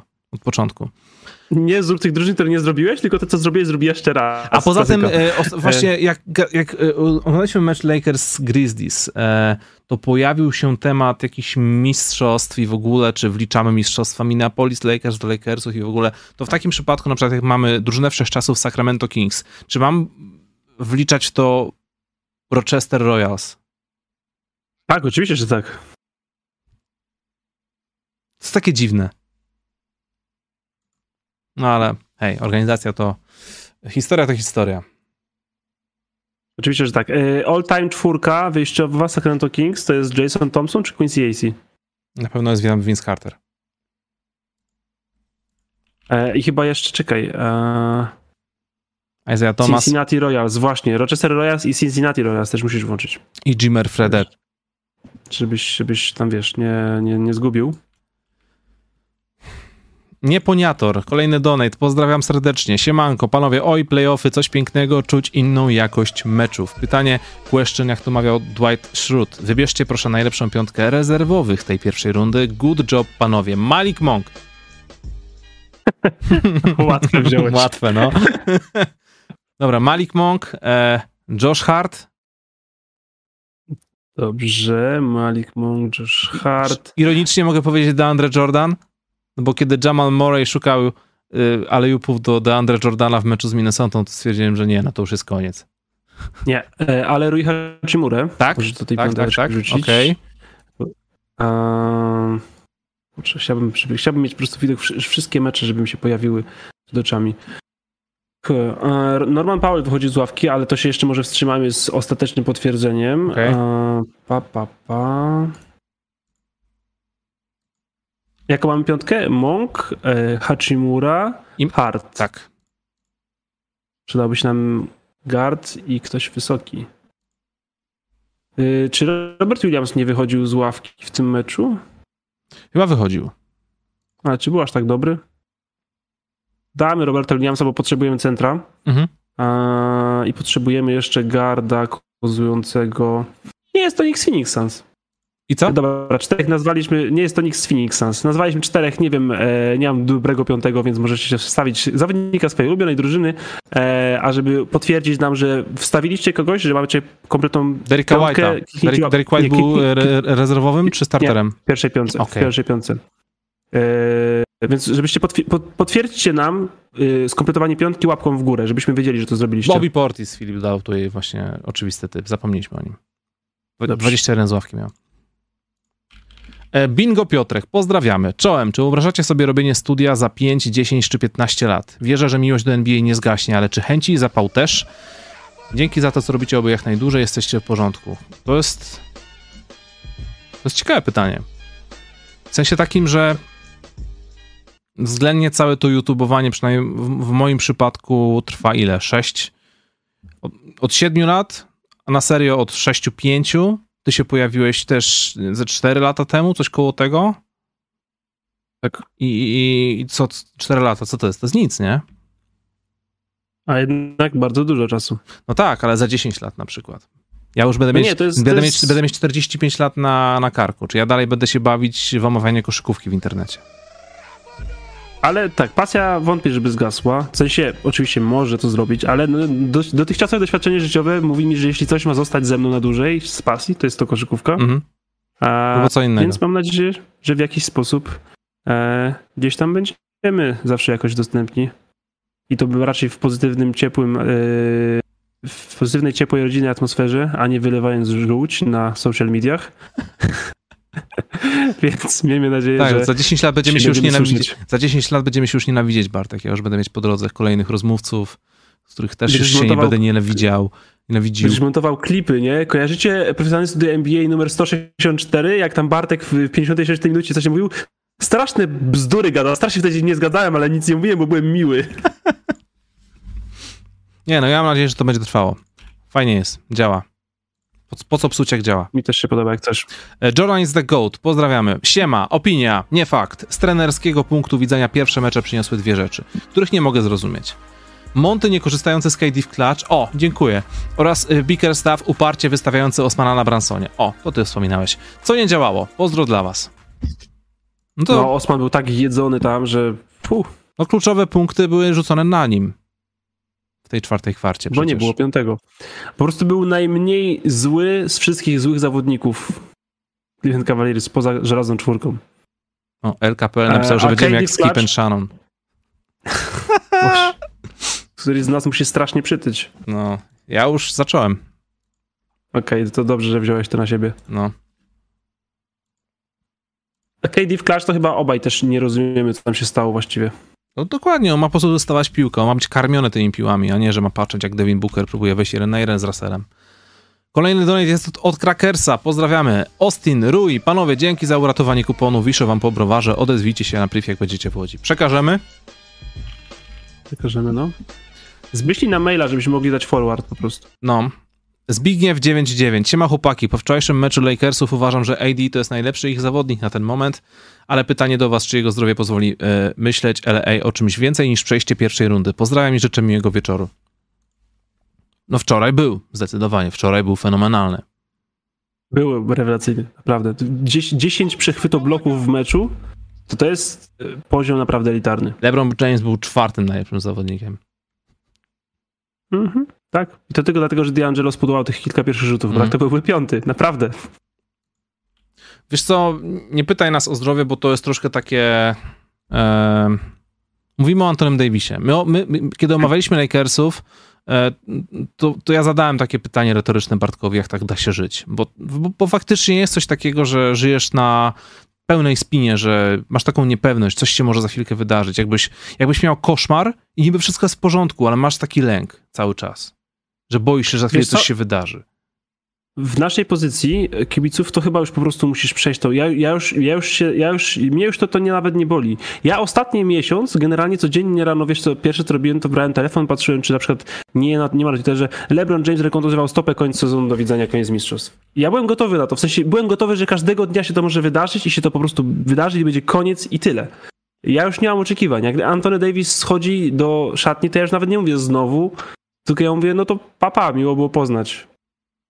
Jak wraca, to się cieszę, ale jak idzie, to już się staram nie smucić, bo to by cię rozwaliło, Łukasz. Widzę, że kolega nowy. Naprawdę. Ale tak jest od trzech lat, non stop po prostu. Właśnie. Była taka to statystyka ciekawa. To jest niezdrowe Była dla zdrowia psychicznego. E, ciekawa, jak teraz Lakersi, jak teraz Anthony Davis i LeBron James zagrają mecz razem, kolejny, to będzie najdłuższa taka seria od Bombla w 10 zagranych meczów z rzędu wspólnie. 10 z rzędu. Od Bombla takiego czegoś nie zrobili. Nie zagrali 10 meczów obaj w wszystkich meczach. Mhm. Tragedia. To my mieliśmy lepsze serie w Los Boysach, a sezon trwał 9 meczów. Tylko my nie wygrywaliśmy mistrzostw, Bartek. Oni też w ostatnich trzech latach. E, jedynak, kolejny donate od jedynaka, pozdrawiamy. Jak jesteśmy już przy temacie jedzeniowym, to wiecie, że Michael miał swojego własnego fast fooda, McJordan Special. Jaki koszykarz zasługiwałby na swój własny sygnowany zestaw KFC i jak miałby on wyglądać? Wykluczamy Zajona. Pozdrowienia panowie, go Lakers. Teraz Barkley. Ja myślę, że on by się, wiesz, zaangażował w taką kampanię. Szak? Szak z Charlesem. Szak miałby po prostu zestaw, który wyglądałby jak Charles Barkley i Szak by po prostu zjadał całego.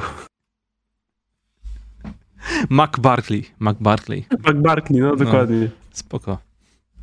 I taki, wiesz, boczek owinięty pączkiem na przykład. O matko. straszne, straszne. Nie, ale dobra, ale tak serio. E, coś by pasowało? Jakiś taki zawodnik? Jamal Murray, Zion... Jamal, Jamal Murray teraz e, promował KFC. Na przykład. Z, zadek Kyla Lauriego od dwóch lat myślę, że pasuje. Okej. Okay. Kolejny donate jest od e, Kuba Raptors fan. O, w temacie zadków. E, Kyla Laurego.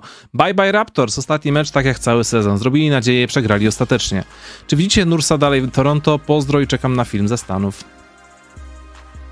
Dziękuję, będą. Tego, mówią, od, od maja tego... już, już będą bankowo z tego, co nam mówią raporty, raporciki, to chyba się szykuje lekkie trzęsienie Toronto, bo i Nick Nurse i kilku czołowych zawodników prawdopodobnie w przyszłym sezonie już, yy, już w tej drużynie nie będzie, bo chyba chyba już wystarczająco mamy dowodów, że od odejścia Kawhi Leonarda ta drużyna nie idzie w kierunku mistrzostwa. I po prostu jest to pewien rodzaj stagnacji, który chyba nie, nie satysfakcjonuje właśnie ani trenera, ani managementu. A więc, więc myślę, że jakieś lekkie odmłodzonko, lekkie przemeblowanie, nie jakieś drastyczna rewolucja, nawet jak masz Scottiego Barnesa, czyli powiedzmy, że masz tego zawodnika, który myślę, że może wokół niego budować. Jeszcze nie teraz, ale w przyszłości. Więc coś tam się, coś tam się myślę może pozmieniać. I jakby miał postawić pieniądze, to myślę, że Nick Nurse nie będzie trenerem Toronto Raptors w przyszłym sezonie.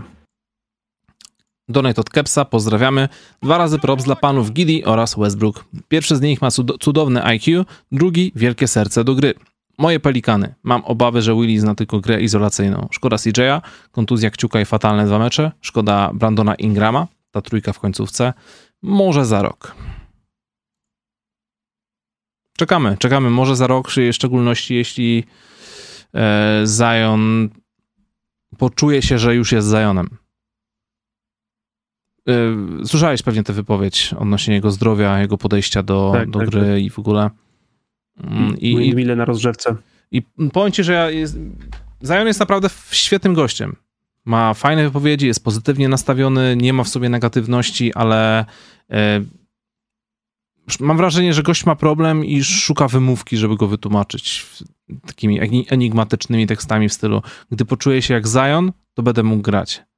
Ja wiem, że jesteśmy w showbizie, to jest, wiesz, sport NBA e, i w ogóle i możesz sobie pozwalać na takie decyzje, ale normalni ludzie nie chodzą do pracy wtedy, kiedy kiedy się poczują, że są na siłach iść do pracy, tylko muszą, bo mają tak grafik roz, rozpisany, prawda? Więc coś tu nie gra, skoro Zion nie ma żadnej kontuzji, jeśli jest w stanie grać i jedynym jego problemem jest e, po prostu jego forma fizyczna, no to hello. To nie jest chyba wina ja wszystkich zgadzam. wokół. Ja się zgadzam. Myślę, że Zion jest spoko gościem, ale dużo winy leży po jego stronie. Nie jest, nie jest rozgrzeszony, nie jest oczyszczony z rzutów mógłby dać z siebie prawdopodobnie więcej. Tak to wygląda po prostu. Oczywiście nie wiadomo, co tam się dzieje tak, tak, tak kompletnie u niego w domu, w rodzinie, w głowie, w obozie, ale e, z tego, co widzimy i słyszymy i rozumiemy, to wygląda jak na to, że dużo winy leży po jego stronie. E, MVP, mały Kudłato Kul. Pozdrawiamy. Pytanie, dlaczego sezon jest tak krótki? To jest chyba takie troszkę pytanie chyba. E, znaczy nie wiem, no. Ja to odebrałem w sposób ironiczny, bo moim zdaniem sezon jest za długi, po prostu. 82 mecze, z czego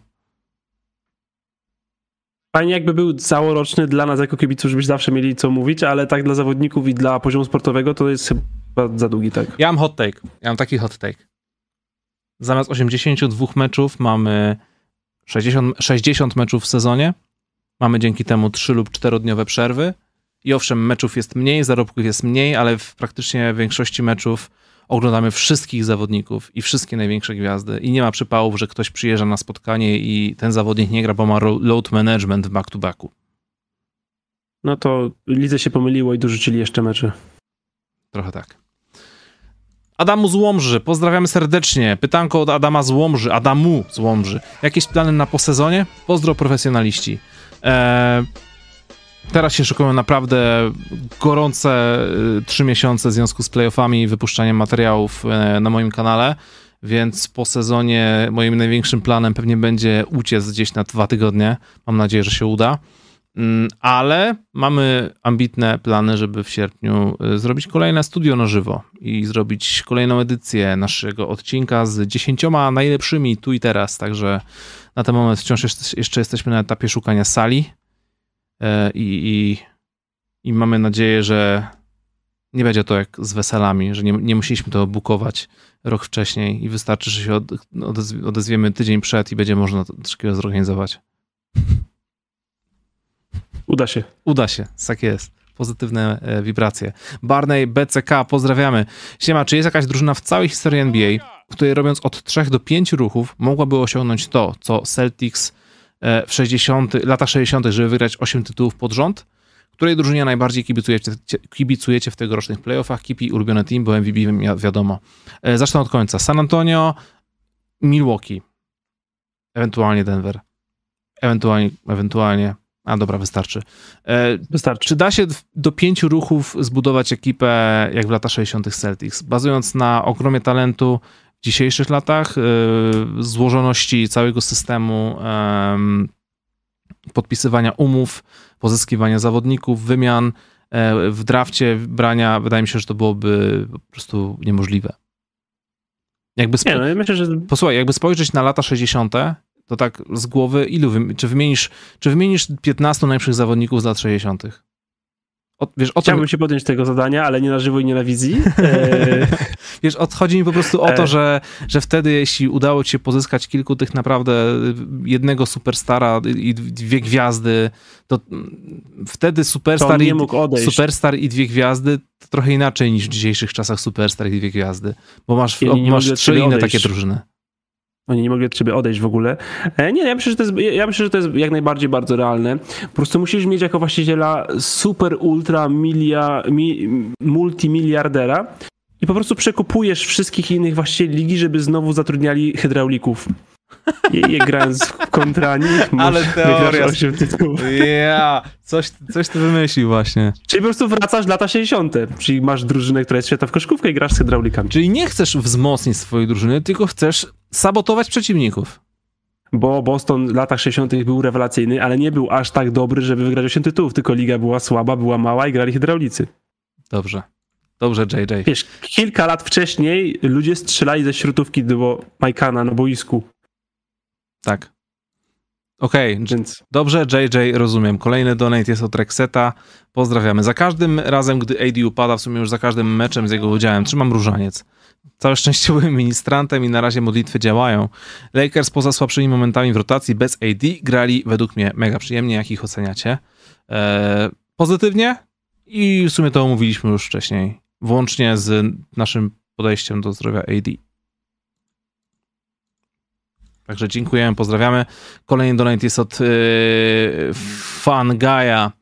This isn't even my final form. Myślisz, że to chodzi o Kawaja? Myślę, że to musi chodzić o Kawaja i ja myślę, że i tak spokojnie. e, To, jeśli to jest Final Form, to jest git, to jest tak już naprawdę, naprawdę coś. Rob Szczepański, dzięki wielkie za wsparcie. E, Rosomach Tundrowy powraca. Życzę sobie i wam, aby każdy gracz w tych playoffach był jak najbardziej znany. Rosomaków e, Wolverine, Wolverine i szybko wracał do zdrowia. Chodzi o szybką re- regenerację, Bartek. Rozumiesz? E, tak? Jesteś tam? Halo? Odpisuję na czacie. Z kim rozmawiasz?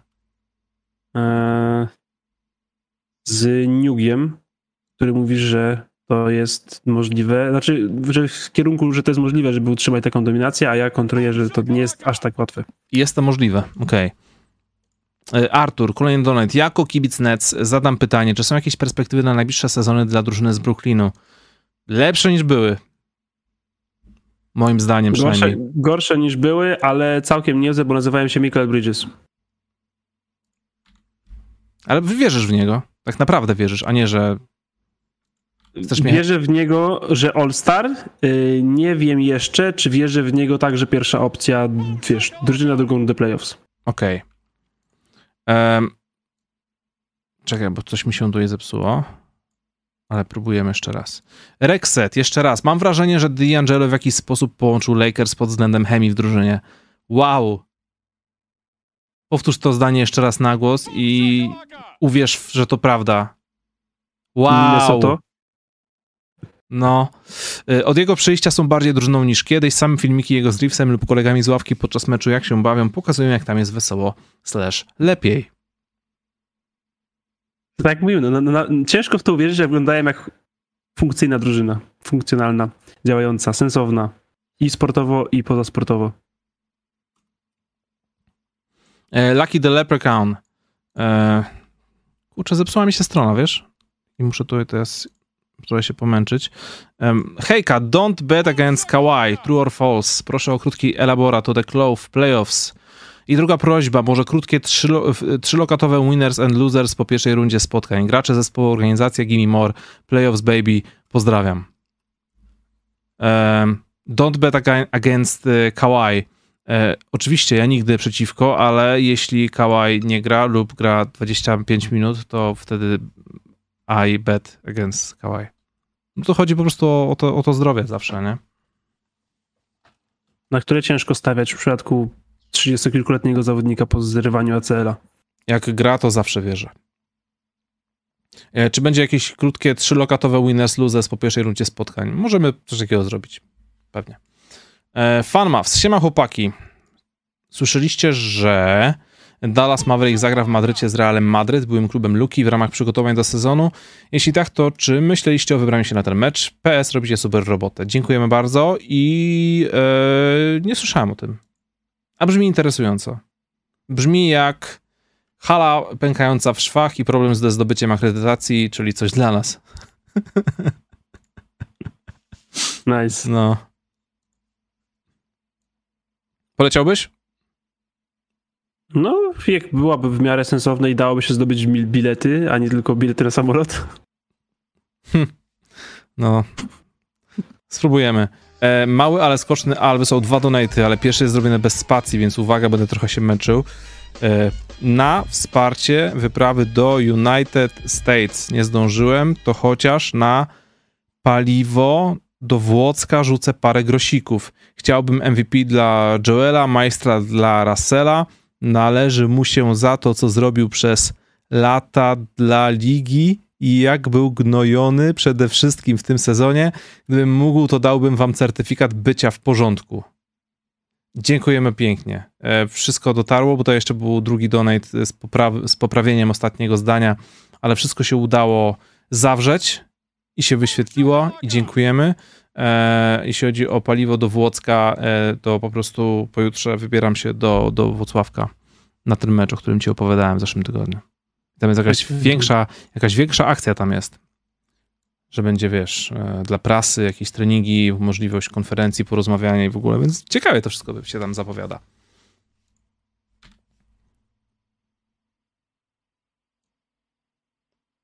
Chciałbyś MVP dla Joela? Wiesz co, wydaje mi się, że mm, to przychylenie narracji na stronę Joela to trochę jest za dużo hypu na realną różnicę. Szczerze mówiąc, chciałbym chyba dla Janisa już bardziej, ale wybrałbym wciąż i głosowałbym na Jokicia. Również. Ale wydaje mi się, że im więcej jest na, na ten temat artykułów teraz na przełomie właśnie końcówki sezonu i play e, jeszcze jak Joel Embiid zgarnął chyba, jeśli dobrze kojarzę, nagrodę mm, zawodnika miesiąca, e, to wydaje mi się, że ta świeżość może sprawić, że e, ludzie pod wpływem emocji mogą dużo, e, dużo głosów rozdać. Mhm. Dokładnie. Dobrze, to ja w tym momencie wchodzę na Instagrama, gdzie były, uwaga, uwaga, kubełki. Za, dużo, za, za bardzo jest... się świeci, nie pokażę wam. Ale tu jest generalnie zdjęcie kubełka KFC, że były, były pytanka z Insta Stories i mamy teraz właśnie kilka takich pytań na samo zakończenie tego odcinka. Pytanie z telefonu kubełka. Pytanie z telefonu kubełka. Kubełek jest za mną. Tu. O. Eee, Bartek, jakie chcesz otrzymać pytanie? Chcesz otrzymać pytanie jak, osobiste? Jakie są kategorie? Eee, koszykówka, emocje, e, prywatne życie. Emocje? Szukam, szukam, szukam. Dlaczego Golf MK2 to taki fajny klasyk? Daryl Bobby zadał pytanie. Za trudne dla mnie, ja się nie znam na takich rzeczach. Dobrze. Uwaga, emocje. Urbanek 03. Czy Rui Hachimura może być nowym kałajem? Nie. Ponieważ defensywnie nigdy nie będzie na tym poziomie, co Kałaj w prime. Jest i do kolejne odnośnie Kałaja. Od Aestheticism Freak. Czy gdyby Kałaj miał końskie zdrowie, byłby wtedy GOAT Conversation? Wydaje mi się, że nie, ale byłby corocznie w MVP Conversation. Byłby w top 10 Conversation MVP. do rozważenia. MVP. Eee... Dwight versus Jim. Rozstrzygnijcie proszę to odwieczne starcie. Śmiechu 007. Chcesz to zrobić? Nie, bo to jest LeBron Jordan. To jest duet. Nie, bo to jest duet. Oni, właśnie, bo LeBron był świetny w swojej erze, Jordan w swojej. A Dwight i Jim byli świetni w swojej wspólnej erze i byli tak świetni dzięki sobie nawzajem. Tak. Grzegorz Pijanowski. Jeśli Janis wypadnie z gry, to czy Miami ma szansę awansować? Myślę, że wciąż Milwaukee jest faworytem. Ale ma szansę wtedy jakieś rzeczywiście, ale ja bym wciąż stawiał na Milwaukee. Bartolec, Bartolec, gdzie widzicie Sochana za 10 lat? W NBA. Bartek. Los Angeles, Los Angeles Lakers. Ale wtedy byłaby sprzedaż koszulek. Ja, Roman, Ale tu ja, Sochan dopasował, ja, to tak trochę jak Kuzma. Potrzebuje większego rynku dla swojego słagu, bo on ma słagu w sobie bardzo dużo. Wiesz, no, na ten moment wszystko fajnie tam wygląda przez pryzmat postaci Popowicza i relacji z Popowiczem, ale faktycznie, no, za 10 lat Popowicz już pewnie nie będzie trenował San Antonio, prawda? Więc może już, już, już, te, już ta chęć pozostania w San Antonio też zniknie. Nie wiem, czy LA akurat... Ja myślę, że on ma... No? Ja myślę, że ma za dużo słagu na San Antonio. Ładnie ujęte. Ale powiedz mi tak, Chciałbym. czy za 10 lat Jeremy Sohan będzie mieć na przykład będzie mieć ile? 29 lat. Mhm. Czyli będzie taki miał, będzie w prime swoim. Czy będzie to już zawodnik, który y, zakładając, on się rozwija strasznie szybko, w naprawdę bardzo szybkim tempie, um, ale jest wielu graczy, którzy zaczęli osiągać swoje sukcesy i okazywało się, że są naprawdę wybitni, że nie są tylko i wyłącznie dobrymi roleplayerami, tylko po prostu są gwiazdami, dopiero w piątym, szóstym, siódmym sezonie gry. I wydaje mi się, że może to się właśnie tak, że może to tak wyglądać właśnie, jeśli chodzi o Jeremiego Sohana. Że będziemy mieć szósty rok, Jeremy będzie mieć 25 lat e, i, i będzie w konwersacji do All-Star Game. I właśnie fajnie byłoby, żeby był w organizacji, która po rozwinięciu go do hej, to jest spokojnie trzeci, czwarty starter, żeby nie przestała go rozwijać, żeby szukała jeszcze kolejnych warstw do gwiazdorstwa, mhm. chociaż w kilku kategoriach. Bo wiesz, bo czasami jest tak, że wiesz, masz, masz, masz Kawhi Leonarda i Paula George'a, albo Kevina Duranta i Kyrie Irvinga i myślisz, dobra, kto tam wokół nich pasuje i jakie role może im by pasowało, nie? Ale żeby się nie zatrzymał ten rozwój tam, bo naprawdę jest duża szansa, że tam jest więcej. I abyśmy to mogli zobaczyć. Szukam jeszcze jednego pytania, jakiegoś takiego fajnego. O, na koniec, prywatne. Od Klama Klamecki. Komentować mecze NBA to wasz szczyt ambicji, czy jednak mierzycie wyżej? Jesteście w porządku. Bartek, co byś chciał, co byś chciał osiągnąć z tą koszykówką? Ciężko powiedzieć jest szczyt ambicji, bo można się bardzo wielokierunkowo rozwijać w koszykówkę, ale powiedzmy, że chyba komentowanie nie jest szczytem. Przynajmniej nie w, te, nie w taki sposób, jak to robimy jeszcze teraz, nie? No nie. Czy to jest pole, w którym się możemy rozwinąć bardzo i mam nadzieję, że się rozwiniemy bardzo. Znaczy komentowanie meczów jest szalenie trudne i też jest y, super pracą, ale y, osobiście nigdy, nigdy nie patrzyłem na to w ten sposób, że, y, że chcę być komentatorem meczów NBA. Ja też że nie myślałem o sobie że, że, że, wiesz, chciałbym tak z ciekawości, wiesz, na, na, na pół etatu powiedzmy, coś takiego, ale żeby, żeby traktować to jako swoją normalną pracę, to nie. E, I tu nawet nie, nie chodzi o to, że komentowanie meczów, że, że coś tam, tylko ma bardziej chodzi mi po prostu o zegar biologiczny. Ja bym chyba nie potrafił się przestawić na takie nocne życie i, i, i wiesz, i takie odsypianie za dnia. A, a załóżmy, jakby nie było problemu, czyli wyprowadzasz się do Stanów i tam komentujesz mecze. Oj, stary, jakbym tam komentował mecze, to jestem komentatorem meczów all day. Okej, okay, okej. Okay. Jeszcze taki, wiesz, taki komentator, który siedzi na meczu, a nie... Tak, tak, tak. No, to, no, to nie ma rozmowy, to, to, to tak. To jeśli to jest szczyt marzeń, to, to niech będzie to ten szczyt marzeń. Okej, okay. ale to takie pytanie. Ale czuję, że może być trudno. Może nie być najłatwiej, no. to prawda. No dobrze, tym optymistycznym e, akcentem będziemy chyba kończyć dzisiejszy odcinek, który i tak poleciał dość długo, bo są playoffy, jest o czym rozmawiać, prawda? Króciutka polecajka, e, nawet nie populturowa, bo w sumie sportowa. Dajesz. Bardzo polecam chyba przedostatni już odcinek e, podcastu JJ Redika, czyli Old Man and a Free, gdzie gościem był J.R. Smith. Godzina 20, ale nie cała jest z JR-em. Chodzi mi o tą część z JR-em. Ultra ciekawa rozmowa. Okay. Bardzo dobry rozmówca J.R. Smith, aż się, aż, się, aż się zdziwiłem. Odpaliłem tak po prostu, bo miałem, a dobra, mam trochę, trochę czasu wolnego, coś bym jeszcze włączył, to co normalnie słucham już przesłuchałem i wpadło mi to, odpaliłem i nie pożałowałem ani sekundy. No J.R. teraz wypuszczał e, chyba dokument e, na swój temat, tak, tak, nie tak, wiem na jakim, na jakim, na jakim serwisie i to pewnie jest element e, jego kampanii reklamowej tego, tego tak, programu. Tak, tak, tak. tak. Okej, okay. ja nadrobię, sobie, nadrobię sobie w takim razie, bo bo już mi to ciekawie. Tym bardziej, że J.R. Smith jest akurat, wiesz, wielu jest takich zawodników, którzy kończą swoje kariery i zaczynają robić głupie rzeczy. Albo w ogóle po latach się okazuje, że robią już bardzo głupie rzeczy, jak na przykład Sean Kemp, ostatnie jego rewelacje. A J.R. Smith postanowił po pierwsze grać w golfa, a po drugie zostać znowu studentem. I jarał się tym, że ma ocenę, że ma średnią 4-0. How cool is that? I naprawdę, yy, naprawdę z tej rozmowy to jest całkiem mądry gość. Tak. Bartek, bardzo Ci dziękuję za dzisiaj.